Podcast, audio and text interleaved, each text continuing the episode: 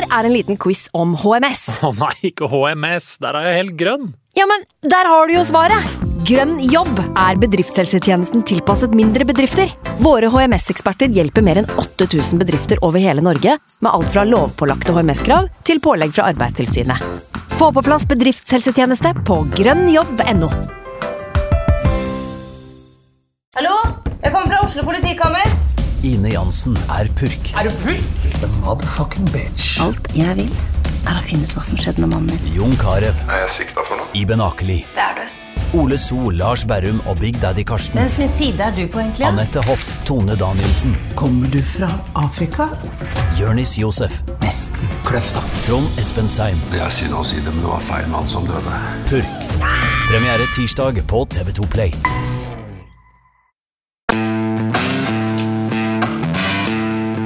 But just some news just reaching me right now. It's huge transfer news. This Every club this summer wants to sign Erling Haaland. Cristiano Ronaldo has made a sensational return to Manchester United. here we go.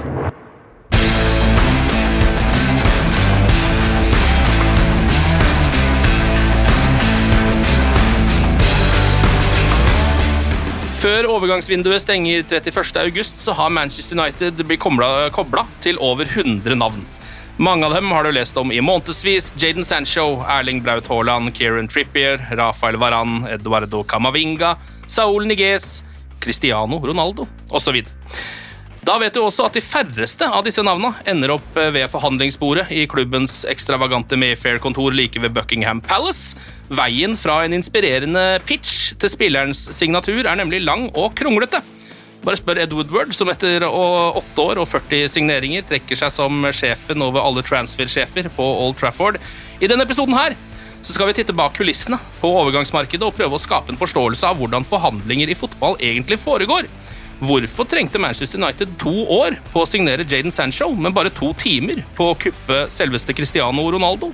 Hvilken rolle har klubbens første fotballdirektør spilt i sommer, og hvor kommer alle ryktene fra?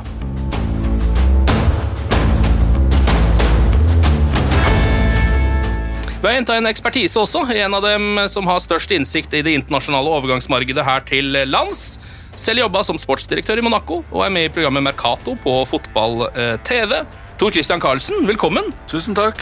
Deilig å ha deg her. Ja, deilig å være her òg, det må jeg si. Dere skal jo ha en transfer-spesial. Vi får se om uh, dette her kommer ut i tide til at folk får med seg den direkte, men uh, på Mercato også. Ja. Uh, deadline day 31. august, så skal vi kjøre mange timer, vi. Både på ettermiddag og Men spesielt på kvelden, da. På fotball-TV. Og jeg må også nevne at jeg har vært så entreprenørisk at jeg har lagd en spesiell rabattkode for Manchester United-supportere. Ja, eksklusivt. Så hvis man er interessert i å abonnere på fotball-TV og se Mercato, da, dette overgangsprogrammet hver fredag, så er det mulig å gå inn på fotball-TV, eh, google det, eller på Twitter. Og så eh, der eh, man fyller inn rabattkode helt til slutt, skriver man inn Bruno. det er en god kode. Ja, man skriver inn Bruno. Jeg følte at han trenger litt mer kjærlighet akkurat nå. Eh, som eh, Solskjær. Så får man 30 da på årsabonnement. Det er veldig bra. Vi, skal vi begynne med noen innledende spørsmål om uh, Manchester United sitt transfervindu, Eivind? Ja, skal ønsker velkommen til deg også, Eivind Brennholt Holt. Velkommen skal du være. Jeg er alltid med, så Ja, du er det, det er helt greit.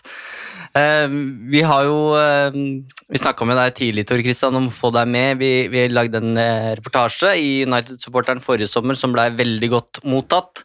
Og nå skal vi rett og slett ta for oss det som har skjedd i sommer. Og det, det er jo ikke lite, for siden sist så har jo da Siden vi snakka sammen, Tor Christian, så har jo da Ed Woodward bestemt seg for å trekke seg, og det har kommet tre nye spillere inn. Så, men eh, vi har spurt om spørsmålet på forhånd og fått eh, veldig mange. Eh, og det første vi må få, Tor Christian, er jo et terningkast på det United-vinduet her. Inn.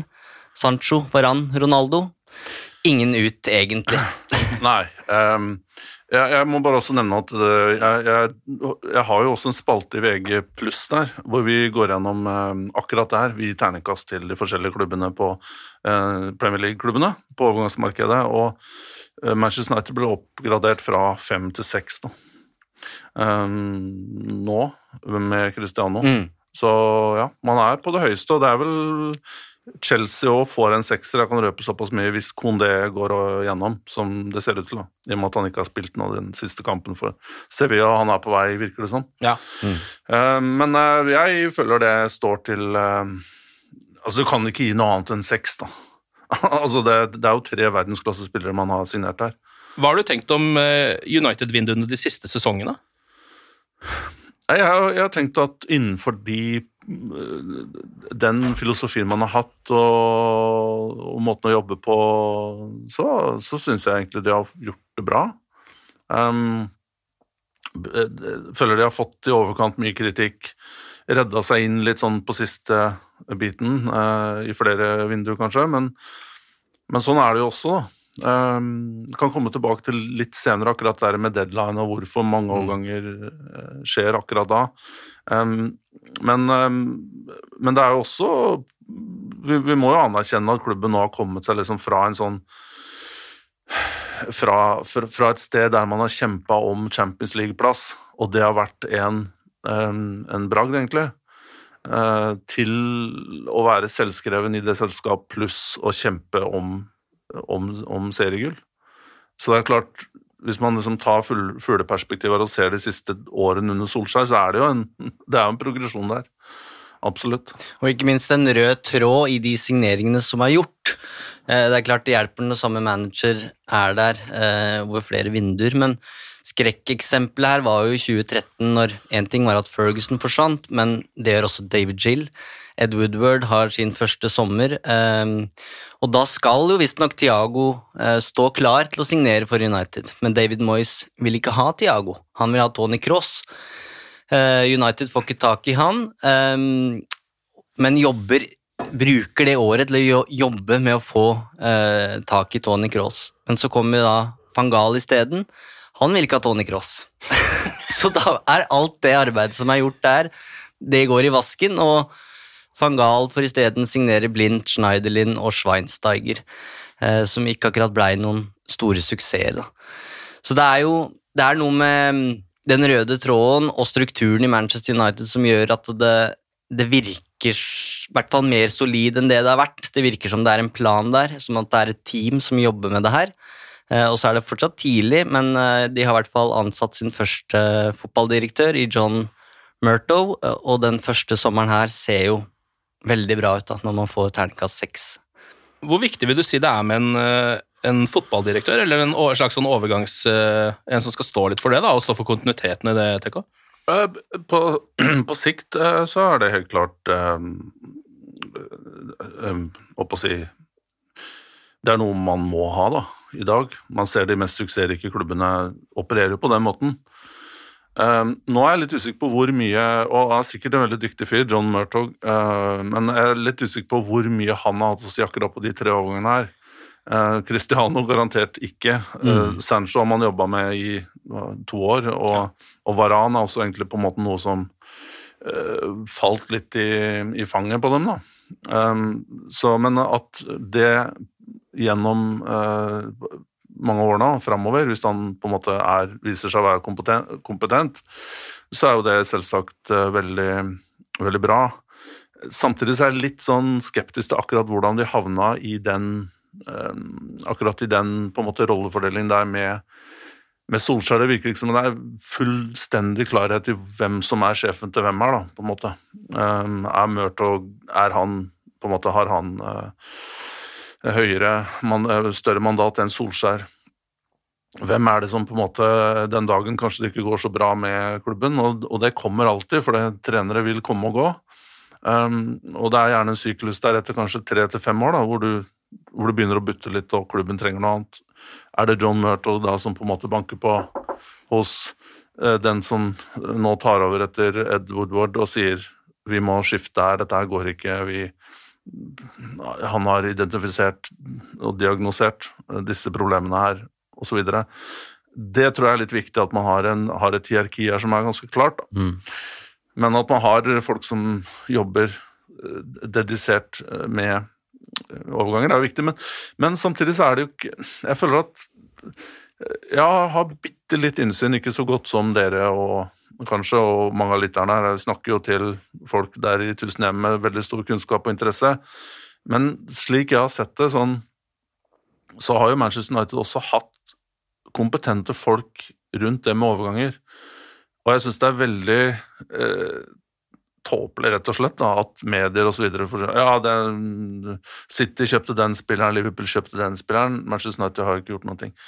De har garantert også visst om den spilleren. Mm. Altså, det, det, er ikke sånn at Og det, det ble jo latterliggjort, det med iPadene til David Moyes og, eh, og sånn. Kanskje på den tiden der var det ikke så um, up to date. Eivind forklarte litt på en måte hvordan Moyes tenker med overganger og sånn, og han har kanskje også fornya seg litt da, siden da. men Manchester United er jo der ute, de ser jo alle de spillerne de andre ser. Og så er det jo beslutningene man tar, da, eventuelt som ikke er 100 De hadde jo Javier Ribalta der en periode, Mm. eh, som jeg kjenner litt eh, også, som er utrolig kompetent. Han er jo i Parma nå, sportsdirektør der. Men etter det jeg forsto, så var det jo da Mourinho som hadde all, eh, all eh, alle mandater da, hva gjaldt, hva gjaldt overganger. Og det illustrerer bare litt med at vel og bra at man henter inn kompetente folk, men man må på en måte bli enige om hvordan man jobber, og hvem som tar de siste beslutningene. Mm. Og Det er jo det spørsmålet vi sitter her og lurer på nå, egentlig. Hvor mye makt har John Murto? Hva er egentlig arbeidsoppgavene hans? Eh, vi skal jo se litt mer på strukturen og sånn etter hvert, eh, Ken, men Mourinho skulle jo ikke ha en sportsdirektør. Han ville ikke gi fra seg makt. Han skulle styre hvem som skulle inn der. Eh, og det, det mest riktige her ville jo For meg så virker det i hvert fall som at da skulle de når de kvitter seg med, med Mourinho, så bør det inn en sportsdirektør der egentlig før man ansetter en ny manager. Men sånn blir det jo ikke. Solskjær kommer inn, og det snur på en måte situasjonen helt på hodet, for det går så bra at ja, hvorfor skal man gjøre noen endringer? Og jeg tror Woodward satt, eh, satt der og tenkte jeg, jeg vil fortsatt ha all makt, eh, og så forsvinner jo han nå, så det store spørsmålet blir jo hvor mye, mye makt får hans erstatter. Mm.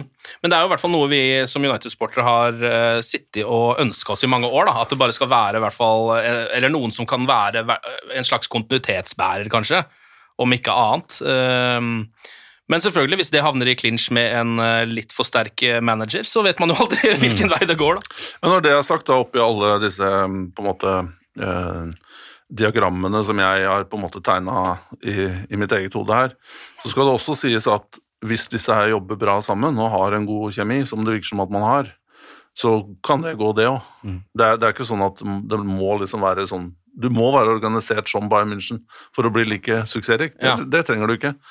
Det er ikke noe Eh, fasit på hvordan man driver akkurat det der. Nei, og Bayern München er jo igjen også et eksempel på, på måte liksom hvordan man Noen mener man ikke skal gjøre det, da. at det er veldig mange sjefer og uklare roller og sånn, men alle drar i samme retning og vil det beste for klubben da, og, og forstår hvilke ta kamper man kan ta og ikke ta, og, Mm. og at man driver dette fremover fordi man har den samme filosofien og st store ideen, så kan det jo gå. Det virker det som de er litt inne på, da, synes jeg, i hvert fall fra utsiden. Mm.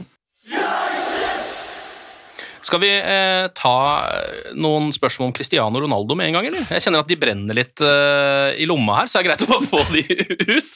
Det er jo ikke noe tvil om hva United-fansen føler rundt denne overgangen. Det er vel flere følelser, kanskje, enn hva skal man si, eh, noe annet. Fornuft. En fornuft, ja, det vet jeg ikke, men hva tenker du, eh, Teko? Er dette god eller dårlig business å hente 36 år gammel Cristiano Ronaldo tilbake?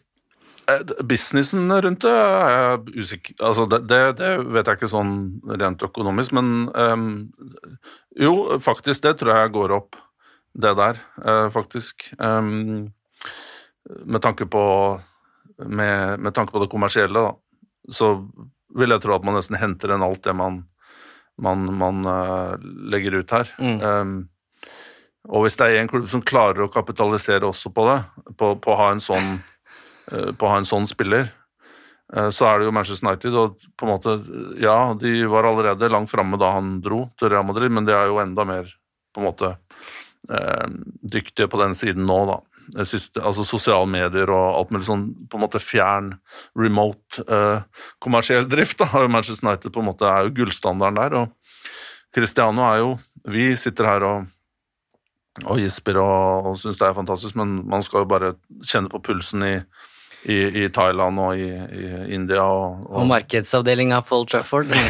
ja, eller Mayfair. Det er klart, den, eh, den eh, der, der jobber de nok nå. Um, så det går nok opp. Um, jeg Sportslig um, så tenker jeg jo at uh, Altså det, jo, det, det strider jo bitte litt mot det Eivind var inne på tidligere, da med rød tråd og måten Mm. Solskjær ønsker å jobbe eh, på.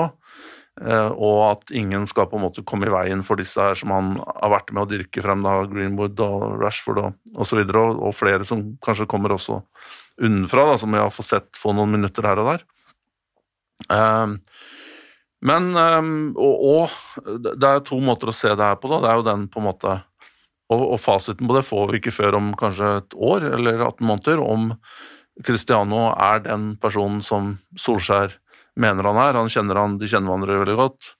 Um, han er jo superprofesjonell, det er jo ikke noe tvil om det. Altså han, Cristiano Ronaldo er jo et ikon hva gjelder å holde kroppen sin uh, i god uh, tilstand. Ja. og, og at han også kan være en role model i teorien, så tror jeg det er riktig at han vil på en måte dra med seg eh, folk. Og så er spørsmålet om Cristiano er den altså, personen internt i en gruppe som det vi tror han er fra utsiden. da. Om han har den ehm, eh, på en måte Om han virkelig er den drivkraften og eh, motivatoren for de andre, det vet vi ikke. eh, men det må vi på en måte stole på Solskjær. Eh, og så vil jeg bare nevne en ting, jeg har snakka om det her før. at ehm, Eh, og vi hadde jo den Mercato-sendinga på fredag hvor da vi gikk i trykken, så så jo all informasjon tyda på at han var på vei til Manchester City, så Mm. det ble på en måte snakken der. Men allikevel, da jeg faktisk sto og barberte meg eh, på morgenen på, på fredag, så, så var det noe som skurra der. Ja. At han skulle til Guardiola, det, det, det var så fjernt, på en måte. Etter at de på en måte har representert to ytterpunkter. Eh, ok, litt sånn konstruert narrativ, det, da, men samtidig så er det liksom Skal de forenes nå? Guardiola er liksom nesten på tampen av trenerkarrieren. Har jo nevnt litt om at han skal gjøre andre ting, for han er jo så mye mer smart enn oss andre. ikke sant? Og så eh, Cristiano, som kanskje har sin siste store overgang, så skal de, skal de forenes der. Det var noe Mm. som skurra, da. Og det jeg nevnte da på mm, Mercato-programmet på fotball-TV, det var jo at den nevnte Jeg, jeg traff jo Cristiano et par ganger da i, for, for en del år siden. da. I en av de middagene her så ble det snakk om eh, scenarioer, da. Hva, fordi han Det var snakk om han skulle bort fra Real Madrid, han var ikke fornøyd der, osv. Det endte jo med at han signerte en ny kontrakt etter den samtalen der, men det ble i hvert fall liksom sånn på tøys, da. Lagt fram ja, hvor kan du spille da, hvis det ikke er uh, heller der, og Og så sa han jo da klart, og det sa han liksom uten noen som helst tvil, da, at det er ingen annen klubb jeg kan spille for i England enn Manchester United. Og han har sagt det andre steder, men jeg fikk det i hvert fall rett fra han, da. Og han var liksom bare sånn Chelsea, Manchester City Glem det. Så jeg jo liksom, hadde jo litt det i bakhodet da jeg sto der og barberte meg, og jeg tror faktisk jeg skar meg på, på underleppa da jeg tenkte på dette her. For det var så på en måte fjernt og rart. Um, så han holdt jo sitt ord, da. Um, og lurte oss alle, på en måte. Eller det var George Mendes som sannsynligvis eh, gjorde det til slutt. Men da, da er det egentlig um, passende å stille et av de spørsmåla som, eh, som vi har fått her. Da. Kan City ha blitt brukt her? For å rett og slett eh, lokke United på, på banen? Vi, det, vi, vi, vi får aldri svar på det her. Um, Men skjer sånne ting? Ja, klart det. Det kan det absolutt gjøre, men jeg, jeg ble, ble, ble City brukt, eller lot de seg bruke? Um, lot eh, Altså, George Mendes har jo veldig sterk posisjon i Manchester City. Han har jo tre-fire spillere der. Om han ikke har agenten, så har han på en måte fått dem dit. Vært broker. Eh, og han jeg, tipper han har et ganske nært personlig relasjon til både Ferran Soriano og, og Aitor Begorestein. Hvis i den grad eh, dette har vært noe konstruert, så ville ikke Mendes gjort det uten å bare si ifra at er det greit at jeg på en måte Ja. Er det greit at vi på en måte går ut med og briefer at City er, er, er klubben her, er det greit? Også fordi vi må på en måte Få noe til å skje. Ja. Jeg, jeg tror ikke Mendes eller noen andre som Hvem andre skulle hatt interesse av å gjøre det? da? Det må jo, det må i så fall være agenten. Men jeg, men jeg tror ikke han ville gjort det uten noen, noen blessing. Men som sagt, dette blir jo spekulasjoner, da. Um, men noen, noen må jeg ha satt i gang. Ja. Um, men jeg, jeg, jeg tror nok Jeg tviler på at, det, at City var oppriktig etter han, selv om det passa liksom bra med Ok, vi gir opp Kane, for nå hører vi at Cristiano er, er ledig. Ja. Det kan jo også være det, da. Ja. Det, det kan jo være det. Og så, så har du jo ikke noe annet valg enn å gå ut etterpå og si nei, men vi var ikke interesserte. Det går også an. ja. Så det er mange muligheter her, da. Men hvordan eh, kan en såpass stor overgang eh, som da en av tidenes beste fotballspillere gå så fort? Eh, det er jo snakk om 24 timer der nesten, eller noe sånt, nå, før i hvert fall det sånn utenfra så ut som det var i boks.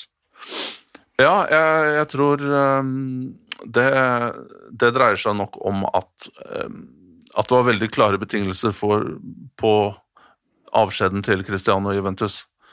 Um, at Juventus var liksom det, det skal også sies at at Cristiano Ronaldo sannsynligvis har ønsket seg vekk, eller vært veldig klar på at han skal bort hele sommeren. Fordi det var snakk om flere klubber, ikke sant? Real Madrid, Retur, det var snakk om PSG. det var... Um, og så har ikke man på en måte fått napp der, det har blitt for dyrt. Uh, går ikke. Og så, og så har man måttet gjøre noe. Så betingelsene har nok vært klare, at Juventus skulle ha disse 25 millionene, eller 27 millionene, hva det er. Det er det som er igjen på, uh, på bokverdi da, av spilleren. Sånn at det ikke skal gå et, med et stort tap der. Så Juventus-siden av den siden av ting som er ganske vanligvis mest utfordrende å få på plass, typ Sancho, de, den, det elementet var nok liksom klarlagt fra første minutt her. Så alt handla egentlig bare om å lande noe med Cristiano, og betingelsene der var nok også ganske klare og enkle, da. Mm. Og, eh, og, og for Cristiano sin del, så, og når det gjelder også Manchester United, så har, har han jo vært i klubben, han kjenner mange personer der og har så Vi har jo lest i ettertid at det var mye whatsapping og det var en og andre og informasjoner, og De Gea de er jo gode, person, gode venner også, ikke sant. Så mye av den jobben du må gjøre med en, en ny uh, spiller, som ikke har noe historikk, den, den, den er jo ikke der med Cristiano. Og i tillegg så hadde han jo ikke noe Han skulle vekk fra Juventus, det var klart. Ok, han kunne i verste fall gått tilbake dit da, på, på onsdag og liksom sagt vi ble ikke enige med, med, med noen, så jeg spiller videre til januar eller ut sesongen. Men eh, det, det, det kunne også skjedd, men lite sannsynlig i mine øyne. Mm. Så Cristiano øh, var jo også veldig bestemt, da, som jeg sier, på å komme seg vekk, og ga jo også opp øh, mye av holdt Den er vel halvert, eller Ja, noe sånt. Ja. Så da er det jo klart, fra klubbsiden så er det jo bekvemmelig, da. Ja. Hvordan var Ronaldo, da? Når vi sitter her med en som har snakka med en? Nei, han var eh, Dette var etter en kamp eh, på en sånn baskisk restaurant som ligger like ved eh, bare 100 meter fra Bernabeu. Eh, og han kom eh, kom da fra det var, Jeg tror han spilte mot Español der hjemme, og han hadde vel skåret ett og jeg hadde en assist der, men han var jo veldig, veldig irritert da, på at de ikke hadde fått tre poeng. Så du kunne jo se hva slags eh, vinner. Ikke at man skulle på en måte forvente noe annet, da. Men han var, han var veldig prega av at de ikke hadde fått med seg tre poeng. Ja. Så du ser jo liksom hele tiden hvor intens han er som type. At det er hele tiden noe som driver han, da, og det er å vinne. Han skal ikke være second best, altså i noen ting. Liksom, det var ikke sånn at vi ble kjempa over den maten som kom på bordet, men han var jo han var først til, til å hente seg både av, av, av alle fatene, liksom. Det er, og det, sånn skal det være òg, da. Herregud, det er ikke, ikke sånn at eh, Men du kan se at hele tiden han Han fortalte også historien at det sto jo på en kamp der på en skjerm med Barcelona på Bernabeu mot Atletico Madrid, og Messi Falcao skårte to mål der, husker jeg, fantastiske mål um, for Atletico. og Jeg lurer på om de leda 2-0, og Barcelona kom tilbake. Og eh, Messi eh, stilte jo opp, da, og, og, og leverte der for Barcelona. og på en måte du, Nå skal jeg ikke på en måte gå så dypt inn der, men du kunne se at dette her er virkelig eh, competitive forhold Mm. mellom de to. Og det var ikke veldig mye glede å se, da. ikke skulle være det igjen Mm. der, da, men, men det var jo tross alt Atletico Madrid de spilte mot, um, som også lå i, langt oppe på tabellen. Da. Men, men um, vinner Altså, det Jeg føler jo Jeg har truffet mange fotballspillere um, på um, alle nivåer, egentlig. Um, men han er spesiell, føler jeg, da. Ja. Fordi han er så intens. Mm. Han er så enspora tunnelvision på at han skal, skal vinne hele tiden. Eh, Veldig mange også som ønsker innspill på eh, ulike spillekjøp. Er det noen spillere der ute som du mener eh, Solskjær og United burde ha på lista si? Um, nei, altså, de, de kjenner jo markedet mye, mye bedre enn meg og har full oversikt. Og det er, de har sikkert en veldig god grunn til å ikke ha gjort noe med de eventuelle navnene da, som, som jeg skulle kommet med, men jeg er jo litt enig med det, med det som er eh, Eller som blir nevnt av mange supportere da, med midtbanen der, at man litt på grunn av Pogba og usikkerheten med kontrakten der og Um, og hva slags fasong vil han være i en, i en sesong der han går ut av kontrakt osv., og, så videre, og, og eh, kanskje mangel på eh, på spillere av liksom, samme kaliber på midtbanen der, da, og at van de Beek ikke har liksom, blitt den spilleren vi trodde han kom til å bli. Jeg hadde også troa på han. Ja, Du, hadde, du er overraska over at han ikke spiller en kamp, nesten? Ja, og- ja, men jeg ser jo litt på grunnlag av det han har gjort, at han ikke får så mye mer tillit. da. Mm. Um, og jeg forstår også hvorfor Solskjær gjør de andre um, beslutningene der han tar, men man, man kunne kanskje ha Hvis det er én spiller, da, uh, og de har jo vært litt inne på det, så Kamavinga litt tidlig, tror jeg, uh, og har liksom ikke på et år prestert like bra som det han gjorde da han slo gjennom. Um, og gi han den eh, På en måte sette han rett inn i laget og gi han rolle, styre og være playmaker dypt, tror jeg kanskje er litt tidlig. Mm. Og han har blitt litt funnet ut i renn av at folk tar han ut litt enklere og ser hva han skal gjøre, Mm. enn han gjorde i begynnelsen, hvor han kom som en komet. da. Men eh, hvis det er én spiller, så er det um, Aurelien uh, Chouamen i, i Monaco, som jeg mener er kanskje enda mer interessant enn Kamavinga. Litt annen type, også defensiv midtbanespiller, men litt mer, uh, mer robust. Um, og blitt en toveisspiller. Han bidrar også med um, liksom Fått litt mer sånn åtter indreløperkvaliteter òg. Men har vanvittig arbeidskapasitet og fotballklok og um, er nok mye mer klar også enn en Kamavinga. Han tror jeg passer veldig bra, men jeg har også sett at Manchester United har hørt at de har vært um, på en måte i, rundt han, da. Men det kan jo være at han blir prisa for høyt Mm. akkurat nå. Mm. Ellers hadde jo også andre vært der. Nå var det snakk om Juventus nå sist, tror jeg, på han. Men han har jeg i hvert fall veldig, veldig stor sans for. Ellers har Bellingham annen, et annet navn, syns jeg. Ja. Som er en litt annen spiller, mer offensiv spiller enn en Chouameni, men eh, Eller ta begge, da. Ja? Men Bellingham er jo, mener jeg, er nesten der at han er liksom klar. United skal ha blitt overraska over at han eh, valgte Dortmund. De hadde lurer på om det var eh, 50 speiderrapporter eller noe sånt på han, og dialog med Ferguson og familien, og veldig tett kontakt, da. Og så valgte han til slutt eh, Dortmund, og det Det er jo vanskelig å sitte her og kritisere det, men det kan hende han skal flytte på seg igjen. Ja, du, han får jo flytta på seg fra en position of strength. da. Mm. Altså Neste move han gjør og Vi så han nå mot uh, Hoffenheim der på fredag, og egentlig også gode innhopp i, i, i EM, syns jeg. Um, fikk altfor lite spillere til deg, mener jeg, da. Nå maser jeg om han hele tiden, men, men også det han gjorde i, i siste runden av kvartfinalen mot Manchester City for Dortmund, syns jeg var helt fantastisk. Så jeg, jeg syns jo det er sånn som presumptivt objektiv her, da, at, at det er et godt karrierevalg. For han, han vil jo ende opp i en av disse store klubbene i England, og da ender han opp med allerede å ha ballast til å bli signert, og med de økonomiske betingelsene som en som blir virkelig satsa på, da. Mm. Nøkkelspiller. Mm. Um, og han er 03, da. ja, det er jo det som er Jeg, jeg tror han fylte, jeg tror han er født i august. Jeg lurer på om han fylte 18 nå Ja. nettopp. Bare så vidt, ja. Så vidt 18 år.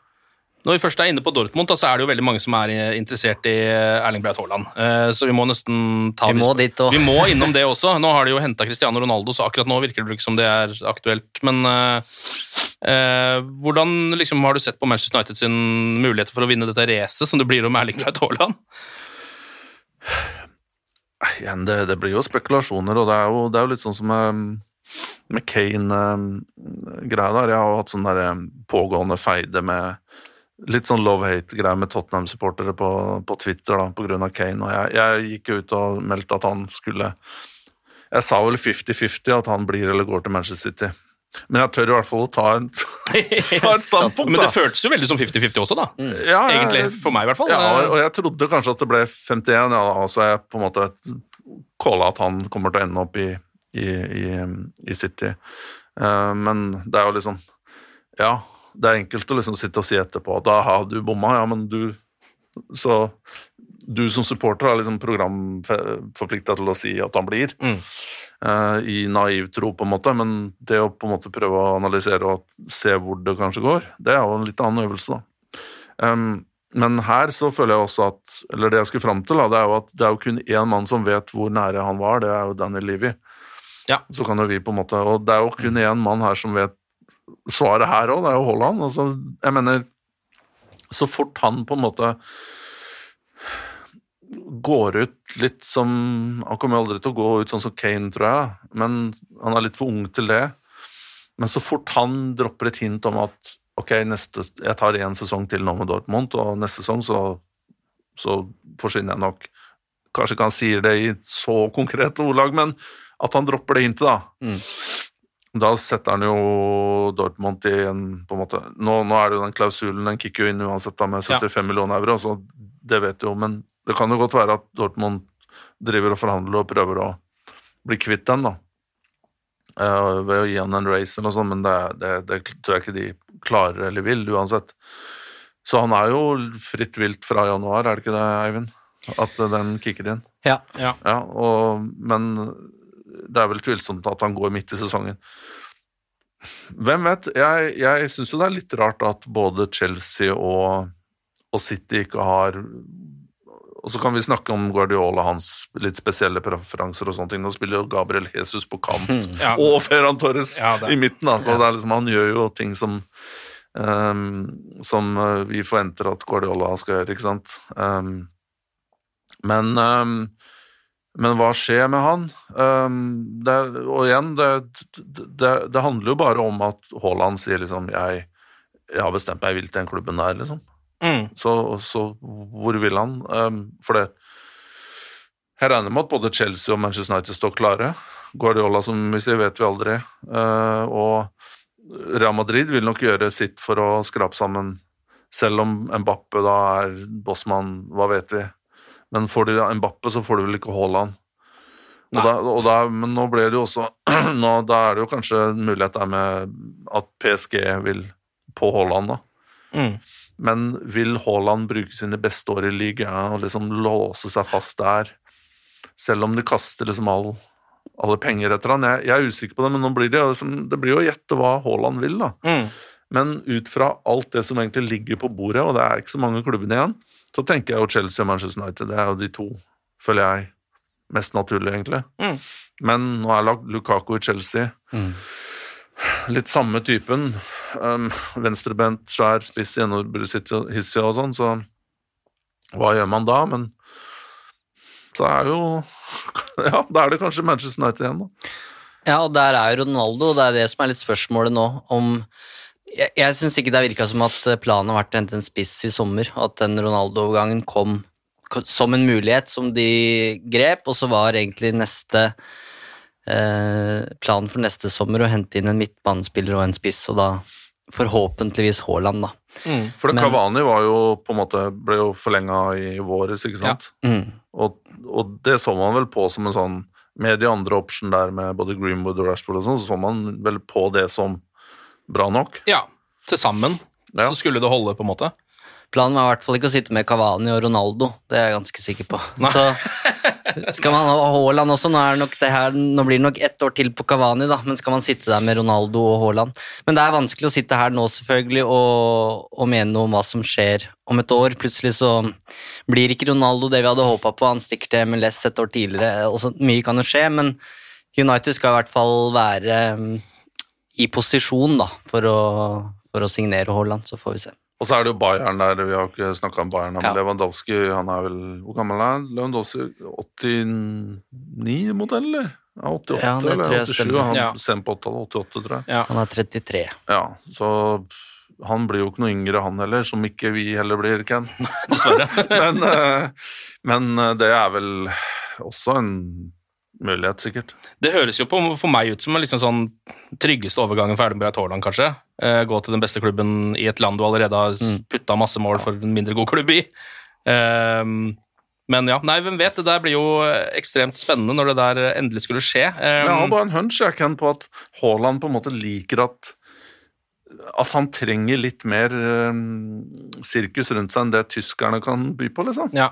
At han, han er jo født i England og bodd der en del år og liksom er, har litt engelsk mentalitet, og vi må jo si det. Ja. Både på og utenfor banen. Mm, ja, faktisk. Så Nå har han også begynt å kle seg som Conor McGregor, og da kan du ikke, kan ikke bo i Tyskland der, liksom. Det. Nei, jeg føler, men jeg, jeg føler at på han på et eller annet tidspunkt i karrieren så må han spille i en toppklubb i England. Ja. Og hvis du signerer for Bayern, så blir det liksom litt sånn at da blir det en femårskontrakt og Ja. Du kommer jo ikke vekk derfra, liksom. Nei. Altså, de, de selger jo ikke spillere de ikke vil kvitte seg med. Nei. Men det har jo altså i det store og hele vært et helt et voldsomt vindu. Altså et uh, 14 år gammel gutt på FM-editor-vindu, liksom. Um, Som har vært i medisinskapet. ja. Og det, altså, Messi, Ronaldo, Lukaku, Ramos, Graylish, Donnarumma, Aguero uh, Det er bevegelser rundt Mbappé, det er Memphis Depay Det er masse store navn, da. Eh, hva tenker du som er en som følger ekstra godt med på transfer, som det galskapen er? Nei, det er, det er haves and have nots, da. Altså, det er jo på øverste hylle det har skjedd, og så har det ikke skjedd veldig mye under. Eh, de, altså sånn, vi, har, vi har vært vant til å se en del overganger sånn kanskje 20-30 millioner pund, ikke sant? De er det jo veldig, veldig få av. Fra 10 til 30. Så har det Og så har det på en måte sjiktet over der, da. Litt, litt tilfeldig òg, da, at Depay og Guero og, og sånn var ute av kontrakt. Um, men Og Messi i tillegg. Men, men eh, pandemien har jo, eh, har jo definitivt en er jo definitivt en forklaring. Fordi um, Barcelona ville jo ikke vært i den situasjonen de er uten hvis det ikke hadde vært pandemi. Da hadde de jo hatt mye høyere inntekter, Mm. eh, fått eh, liksom hatt full stadion i, i, i halvannet år, og det er jo Jeg husker eh, det her var eh, godeste Jeg tror han heter José Angel, Angel Sanchez, han, som er da, general manager i, i Real Madrid, fortalte meg en gang hva de tjener på bare på det museet som Ja. var da i, i Santiago, eller fortsatt er i nye eh, Santiago Bernabeu stadion. Og den summen var så stor at jeg faktisk glemt det, hvor mange som besøkte, og at det var eh, turistattraksjon nummer to da, i, i, i Barcelona, i Real Mm. I Madrid! Etter det Prado er det vel, eh, galleriet der, Ja. som er verdenskjent, da, selvsagt. Ja. Og, men antall mennesker som var innom der og betalte 20, 20 euro eller hva det var for å komme inn, var helt vanvittig, så jeg ville ikke gjengi, men det kan, hvis det er noen som er interessert, så går det an å søke opp. Men i hvert fall genererte helt vanvittige inntekter, og de har jo vært borte. Og Barcelona er litt i samme kategori. Da. De har jo også et museum der og masse, masse catering og VIP og pakker jeg Altså, jeg har vært på mm, Classico der og prøvd å kjøpe Jeg fikk til faktisk å kjøpe ti VIP-billetter, tror jeg, til eh, Classico eh, for noen år siden i Barcelona. De kosta vel over 10 000 stykk da, og det var for så vidt van, vanlige billetter med en lounge, eller på en måte, men ikke eksklusivt. Um, og dette er en del år siden, så jeg kan forestille meg at det er billetter som nå koster kanskje 20 25 000. Da. Så det jeg vil fram til, er, er jo at Barcelona har måttet handle litt på krita med disse såkalte gratis overgangene som har kommet inn, med Garcia der og Aguero og, og Depay. Um, og så uh, og så, så, det ville de nok ikke ha gjort. Uh, nå er jo de gode spillere, for all del, men jeg tror det hadde vært en helt annen dynamikk da, hvis ikke disse spanske klubbene hadde fått økonomien så kompromittert. Mm. Kjapt Google-søk. 16 millioner euro på ett år. Ja. På Real Madrids museum. Eh, Prado 15 millioner. Besøkende? Nei, altså in, Ja, eh, inntekter. Ja, 15 millioner så ligger nå euro. over, ja. Mm. Tatt, igjen. Tatt igjen det ordentlige museet. Det er helt vilt. Da begynner vi å snakke, da. Eh, Men du som har vært i den eh, businessen her sjøl, hva er det som er det viktigste å forstå om liksom, hva skal man si, dynamikken på overgangsmarkedet? Går det an å liksom forklare hvordan disse forhandlingene foregår, uten at vi må sitte i fire timer? Ja, um, eller bare, bare også nevne at Messi hadde jo sannsynlig, de hadde jo hatt råd sannsynligvis til å, til å beholde Messi også, da, uten pandemi. Selv om det skal også For det man, sikkert også Barcelona og kyndige folk som holder med spansk fotball, som også vet at Barcelona er langt, langt nede i et sort hull, Ja. som um, ikke bare handler om pandemien, bare sånn at jeg har poengtert det. Um, ja, uh, det gjør for så vidt det. Jeg kan også plugge en sak som jeg bare la ut i dag, eller ble publisert i dag på ISP-en, uh, om hvordan Bare sånn litt slags template på hvordan en overgang foregår de siste 24 timene. Mm. Hvor det er litt andre dynamikker og prosesser, da. Eh, Hvor du må på en måte gjøre ting veldig avkorta i alle ledd eh, enn det du vanligvis ville ha gjort. Um, så den ligger nå ute der det er mulig å søke på, på mitt navn. Og, Vi skal legge den inn i Ja. artikkelen, så har, uh, Ja, har det er vi nydelig. linken der. Mm. Eh, så det er en litt sånn ekspressversjon av hvordan ting foregår i, under vanlige omstendigheter, men, men eh, Nei, det er jo på en måte blitt en eh, Som jeg også var inne på med Eivind på den saken han eh, lagde i fjor, da, at Um, og der kommer jo John Murtog og, uh, og hans rolle inn i bildet, at overganger er noe du må jobbe med hele året. Ikke bare liksom i et rush hvis det kommer en anledning, sånn som Cristiano her, eller, eller Sancho, som har liksom starta noen uker før overgangsvinduet åpner, og så går man skikkelig til. Eh, mye handler jo om relasjoner, ikke sant. Um, relasjoner til andre, selvsagt club officials, relasjoner til agenter og um, brokers, mellommenn, om du vil. Og være ute og høre litt sånn Det er jo en ryktebørs der og man planter ting for å vekke folk sin interesse, ikke sant? Jungeltelegraf eh, som virkelig er i sving eh, på det området her. Så det, det er ett element som er veldig viktig, at du er våken og har et øye for er- nå er ikke det så aktuelt med Manchester United, som, i, som er så stor klubb som egentlig handler mest om å kjøpe ferdige spillere som kan gå rett inn på laget. Eh, Men hvis du er på en måte Leicester eller eh, kanskje Aston Villa da, i det sjiktet her, så handler det mye om opportunities i tillegg, da, på litt annet nivå. At du hører at ja, Lyon har problemer nå.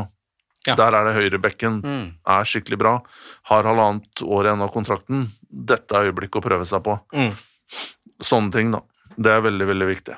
Det er kanskje den største skillen, tror jeg, til en, en sportsdirektør, da, å være så handlekraftig. Ja. Uh, og, og her må du også ha et godt team under deg, ikke sant? med analyst og, og, og sjefsspeider og sånne ting som du kan spare med.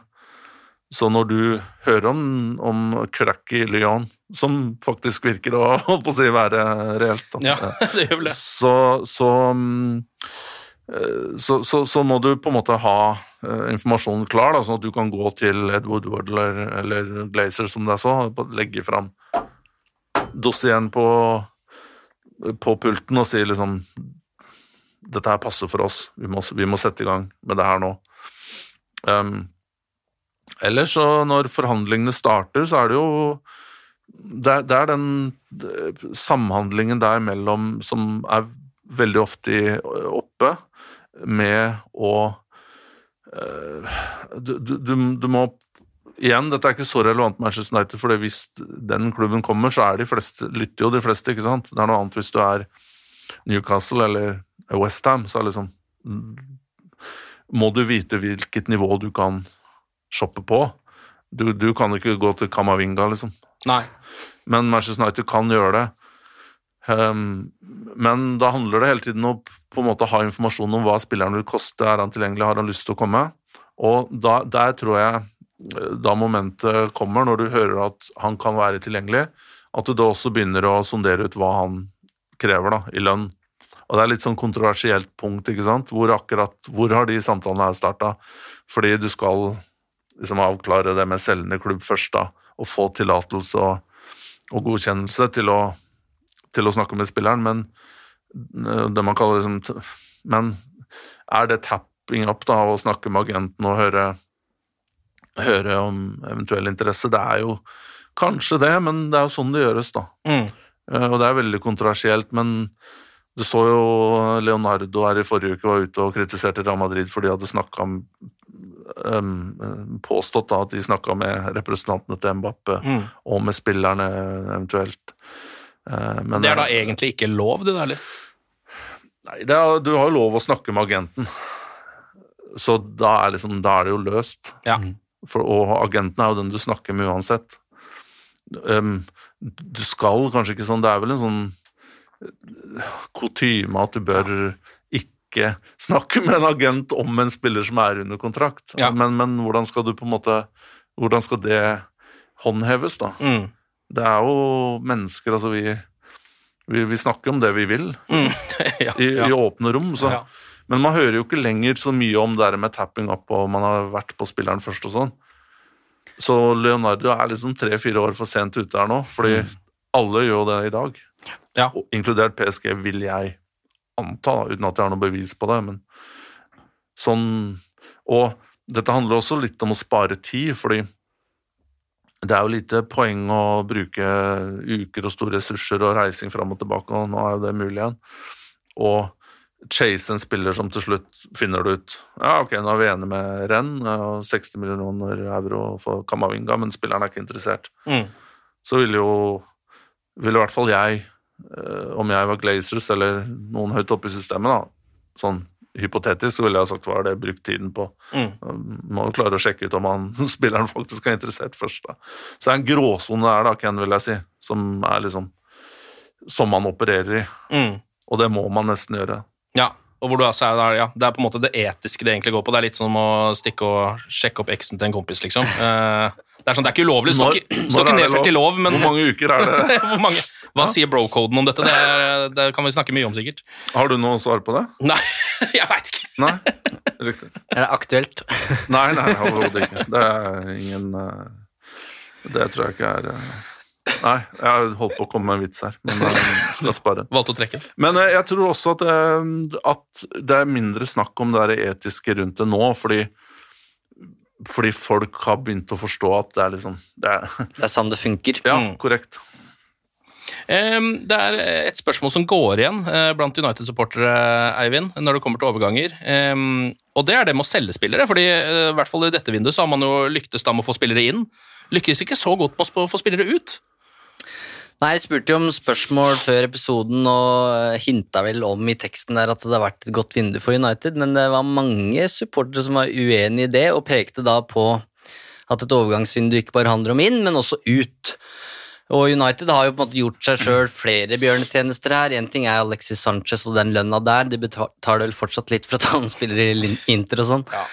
Ehm, så salgsmessig så har de på en måte Så føler jeg at du nesten har Manchester United i den, ene enden av skalaen, og så har du Chelsea i den andre, som låner de ut i ja, alt fra fem til seks, sju, åtte år, og så selger de for, eh, for fortjeneste. Jeg bare Jeg sjekka eh, fra siden 2013, så har United eh, De har altså kjøpt eh, 40 spillere, da, og fire av dem har blitt solgt videre med fortjeneste. Og da snakker vi ikke om, ikke om Jan Utsai, for eksempel, som er egenprodusert, men spillere som har blitt kjøpt.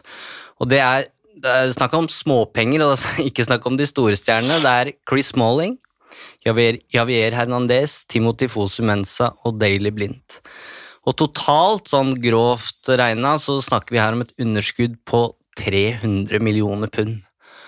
Uh, og det er jo penger som kunne vært brukt på å hente Declan Rice, eksempel. Men så spørsmålet som mange lurer på, er jo hvorfor, hvorfor er det så vanvittig vanskelig å bli kvitt de spillerne de ikke vil ha, som tross alt har spilt i Premier League for, eh, for United?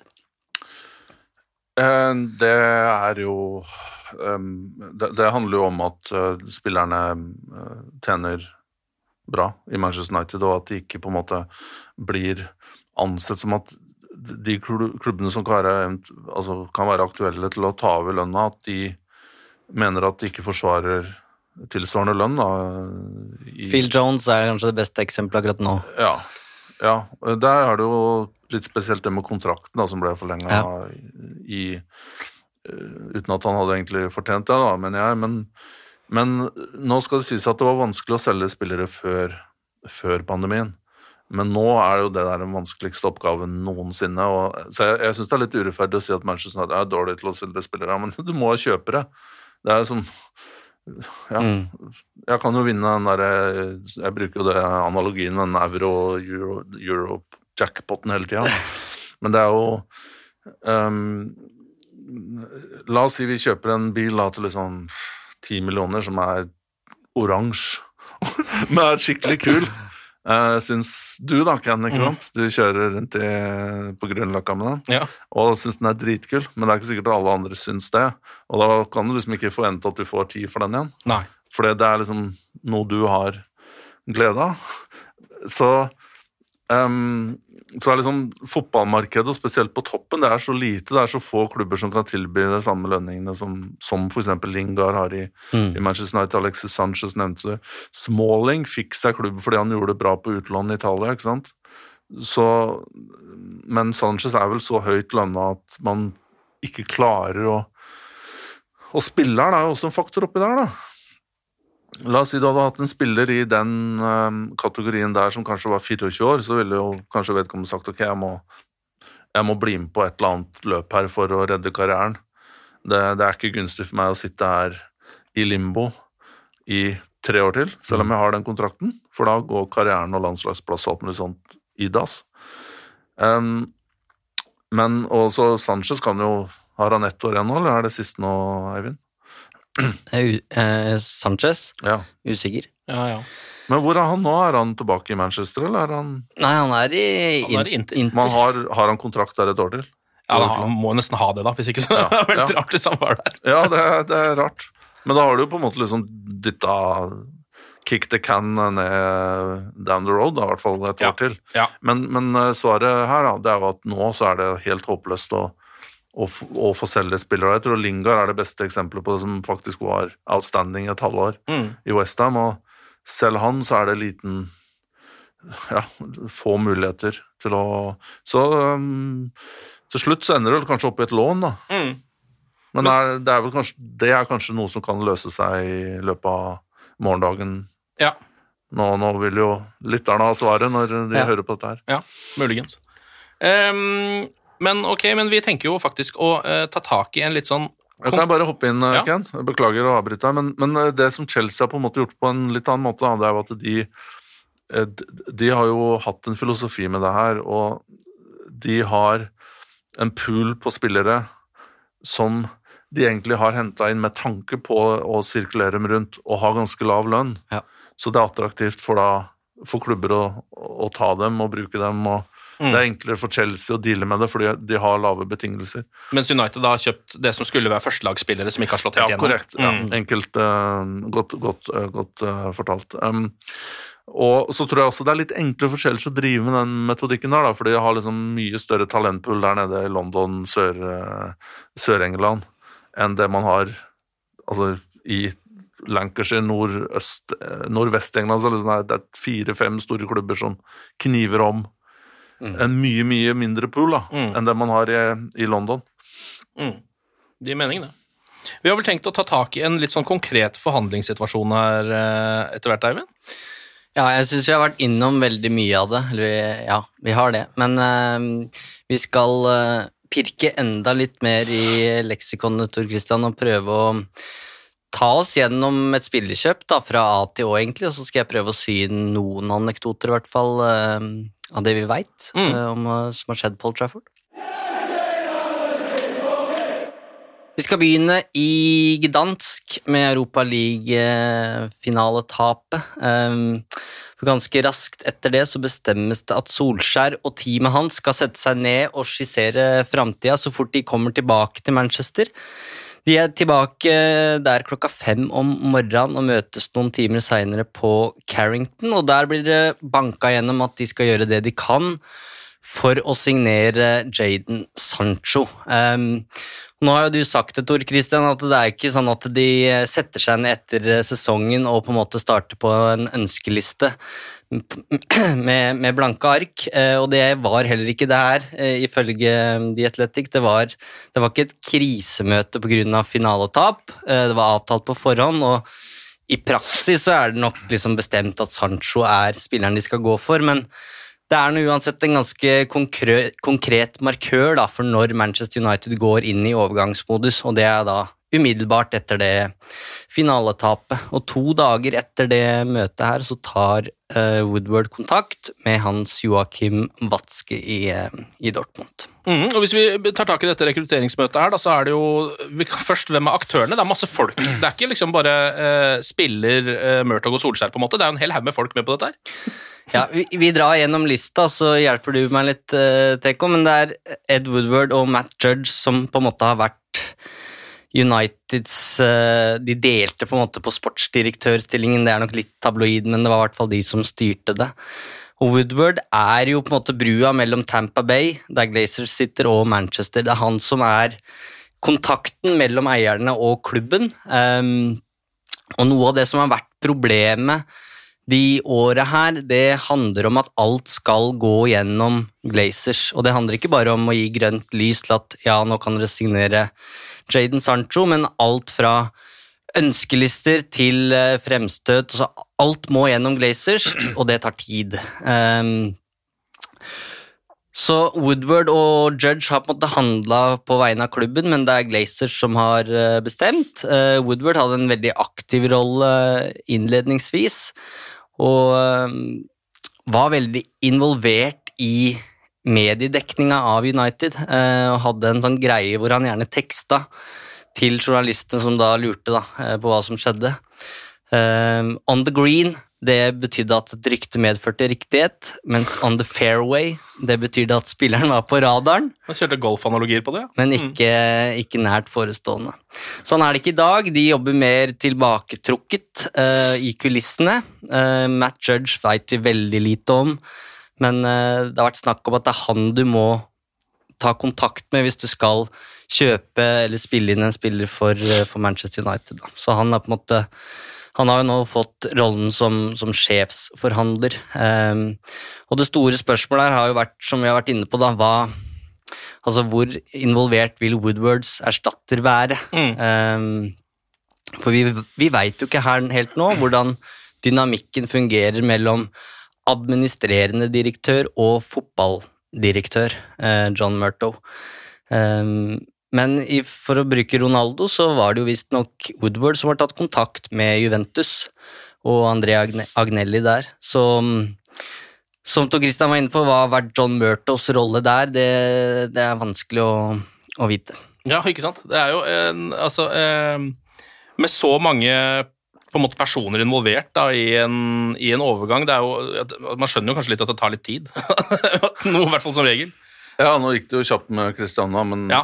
jeg, Og det illustrerer jo litt at det er ikke Man bruker jo de kontaktene man har, og her, her hadde du jo på en måte Woodward kjenner jo Angelli fra, fra den tiden de var medlemmer i ECA og uh, hva er Club, European Club, og fra masse andre forum og Super League. ja, ikke sant. Eh, Og på, på høyt nivå. Så det, det er jo like greit å ta den Altså, eh, Cristiano-overgangen ble, sik ble sikkert uh, dealt with mye mer på et høyere nivå enn for eksempel hvis man skulle prøvd seg på, på en, uh, en uh, ja, enn det man gjorde med Diallo, da, for eksempel i Ja. eh, Atalanta. Daniel James. Ja, for eksempel.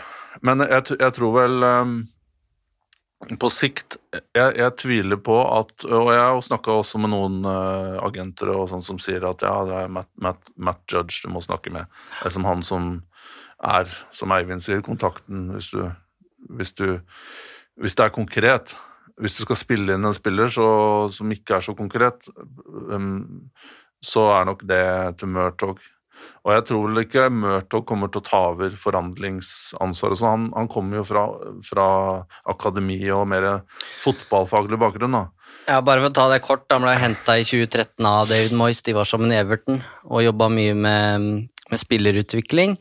Og beskrives eh, igjen i The Athletic som en sånn fikser som kan gamet veldig godt. da, eh, Og har en enorm dedikasjon for det han driver med. Så han, han var på Ullevål med Hannibal Mechbri Når de eh, United møtte Kristiansund, så var det John Murto, som var barnevakt for Hannibal, som var og kikka på.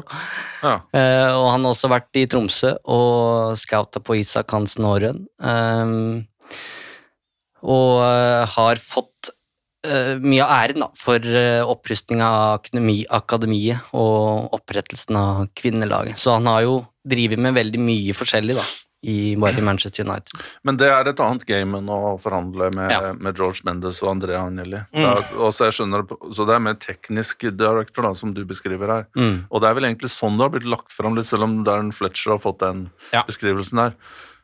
Det er jo Altså, disse stillings... um, Altså, titlene er jo veldig, veldig flytende. Noen kaller det det ene og det andre, ikke sant, og jeg så til og med i Altså, se her i Norge så er det noen, det er sportsleder, det er sportsdirektør, det er sportssjef, det er ditten og datten. Noen har teknisk eh, technical director.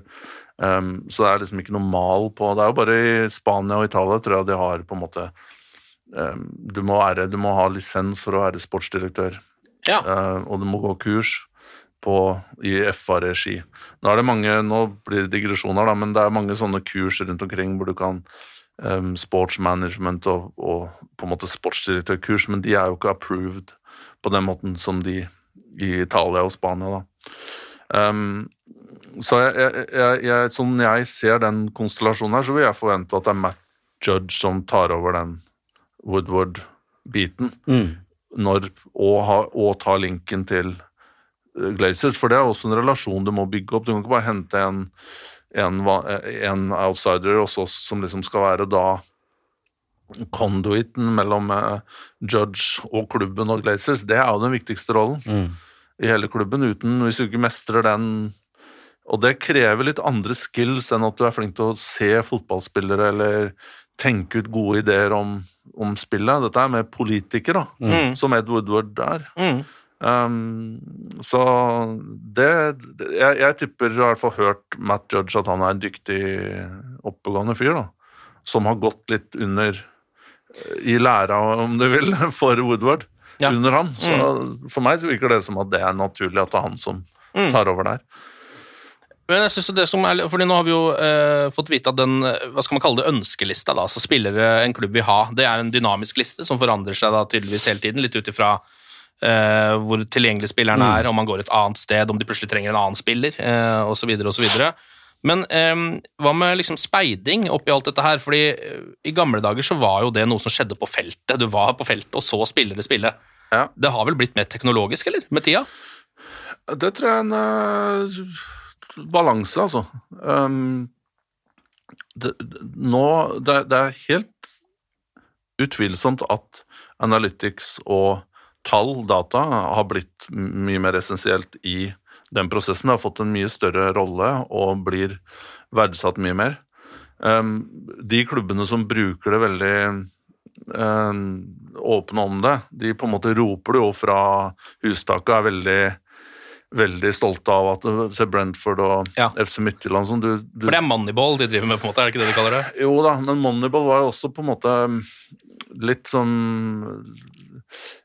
Litt det Chelsea driver med, på en måte. At du Eller Leicester, at du kjøper på en måte underprisa spillere og selger dem, og så er det mer metodikken bak som Brentford og Brighton og sånn er veldig opptatt av å kommunisere ut.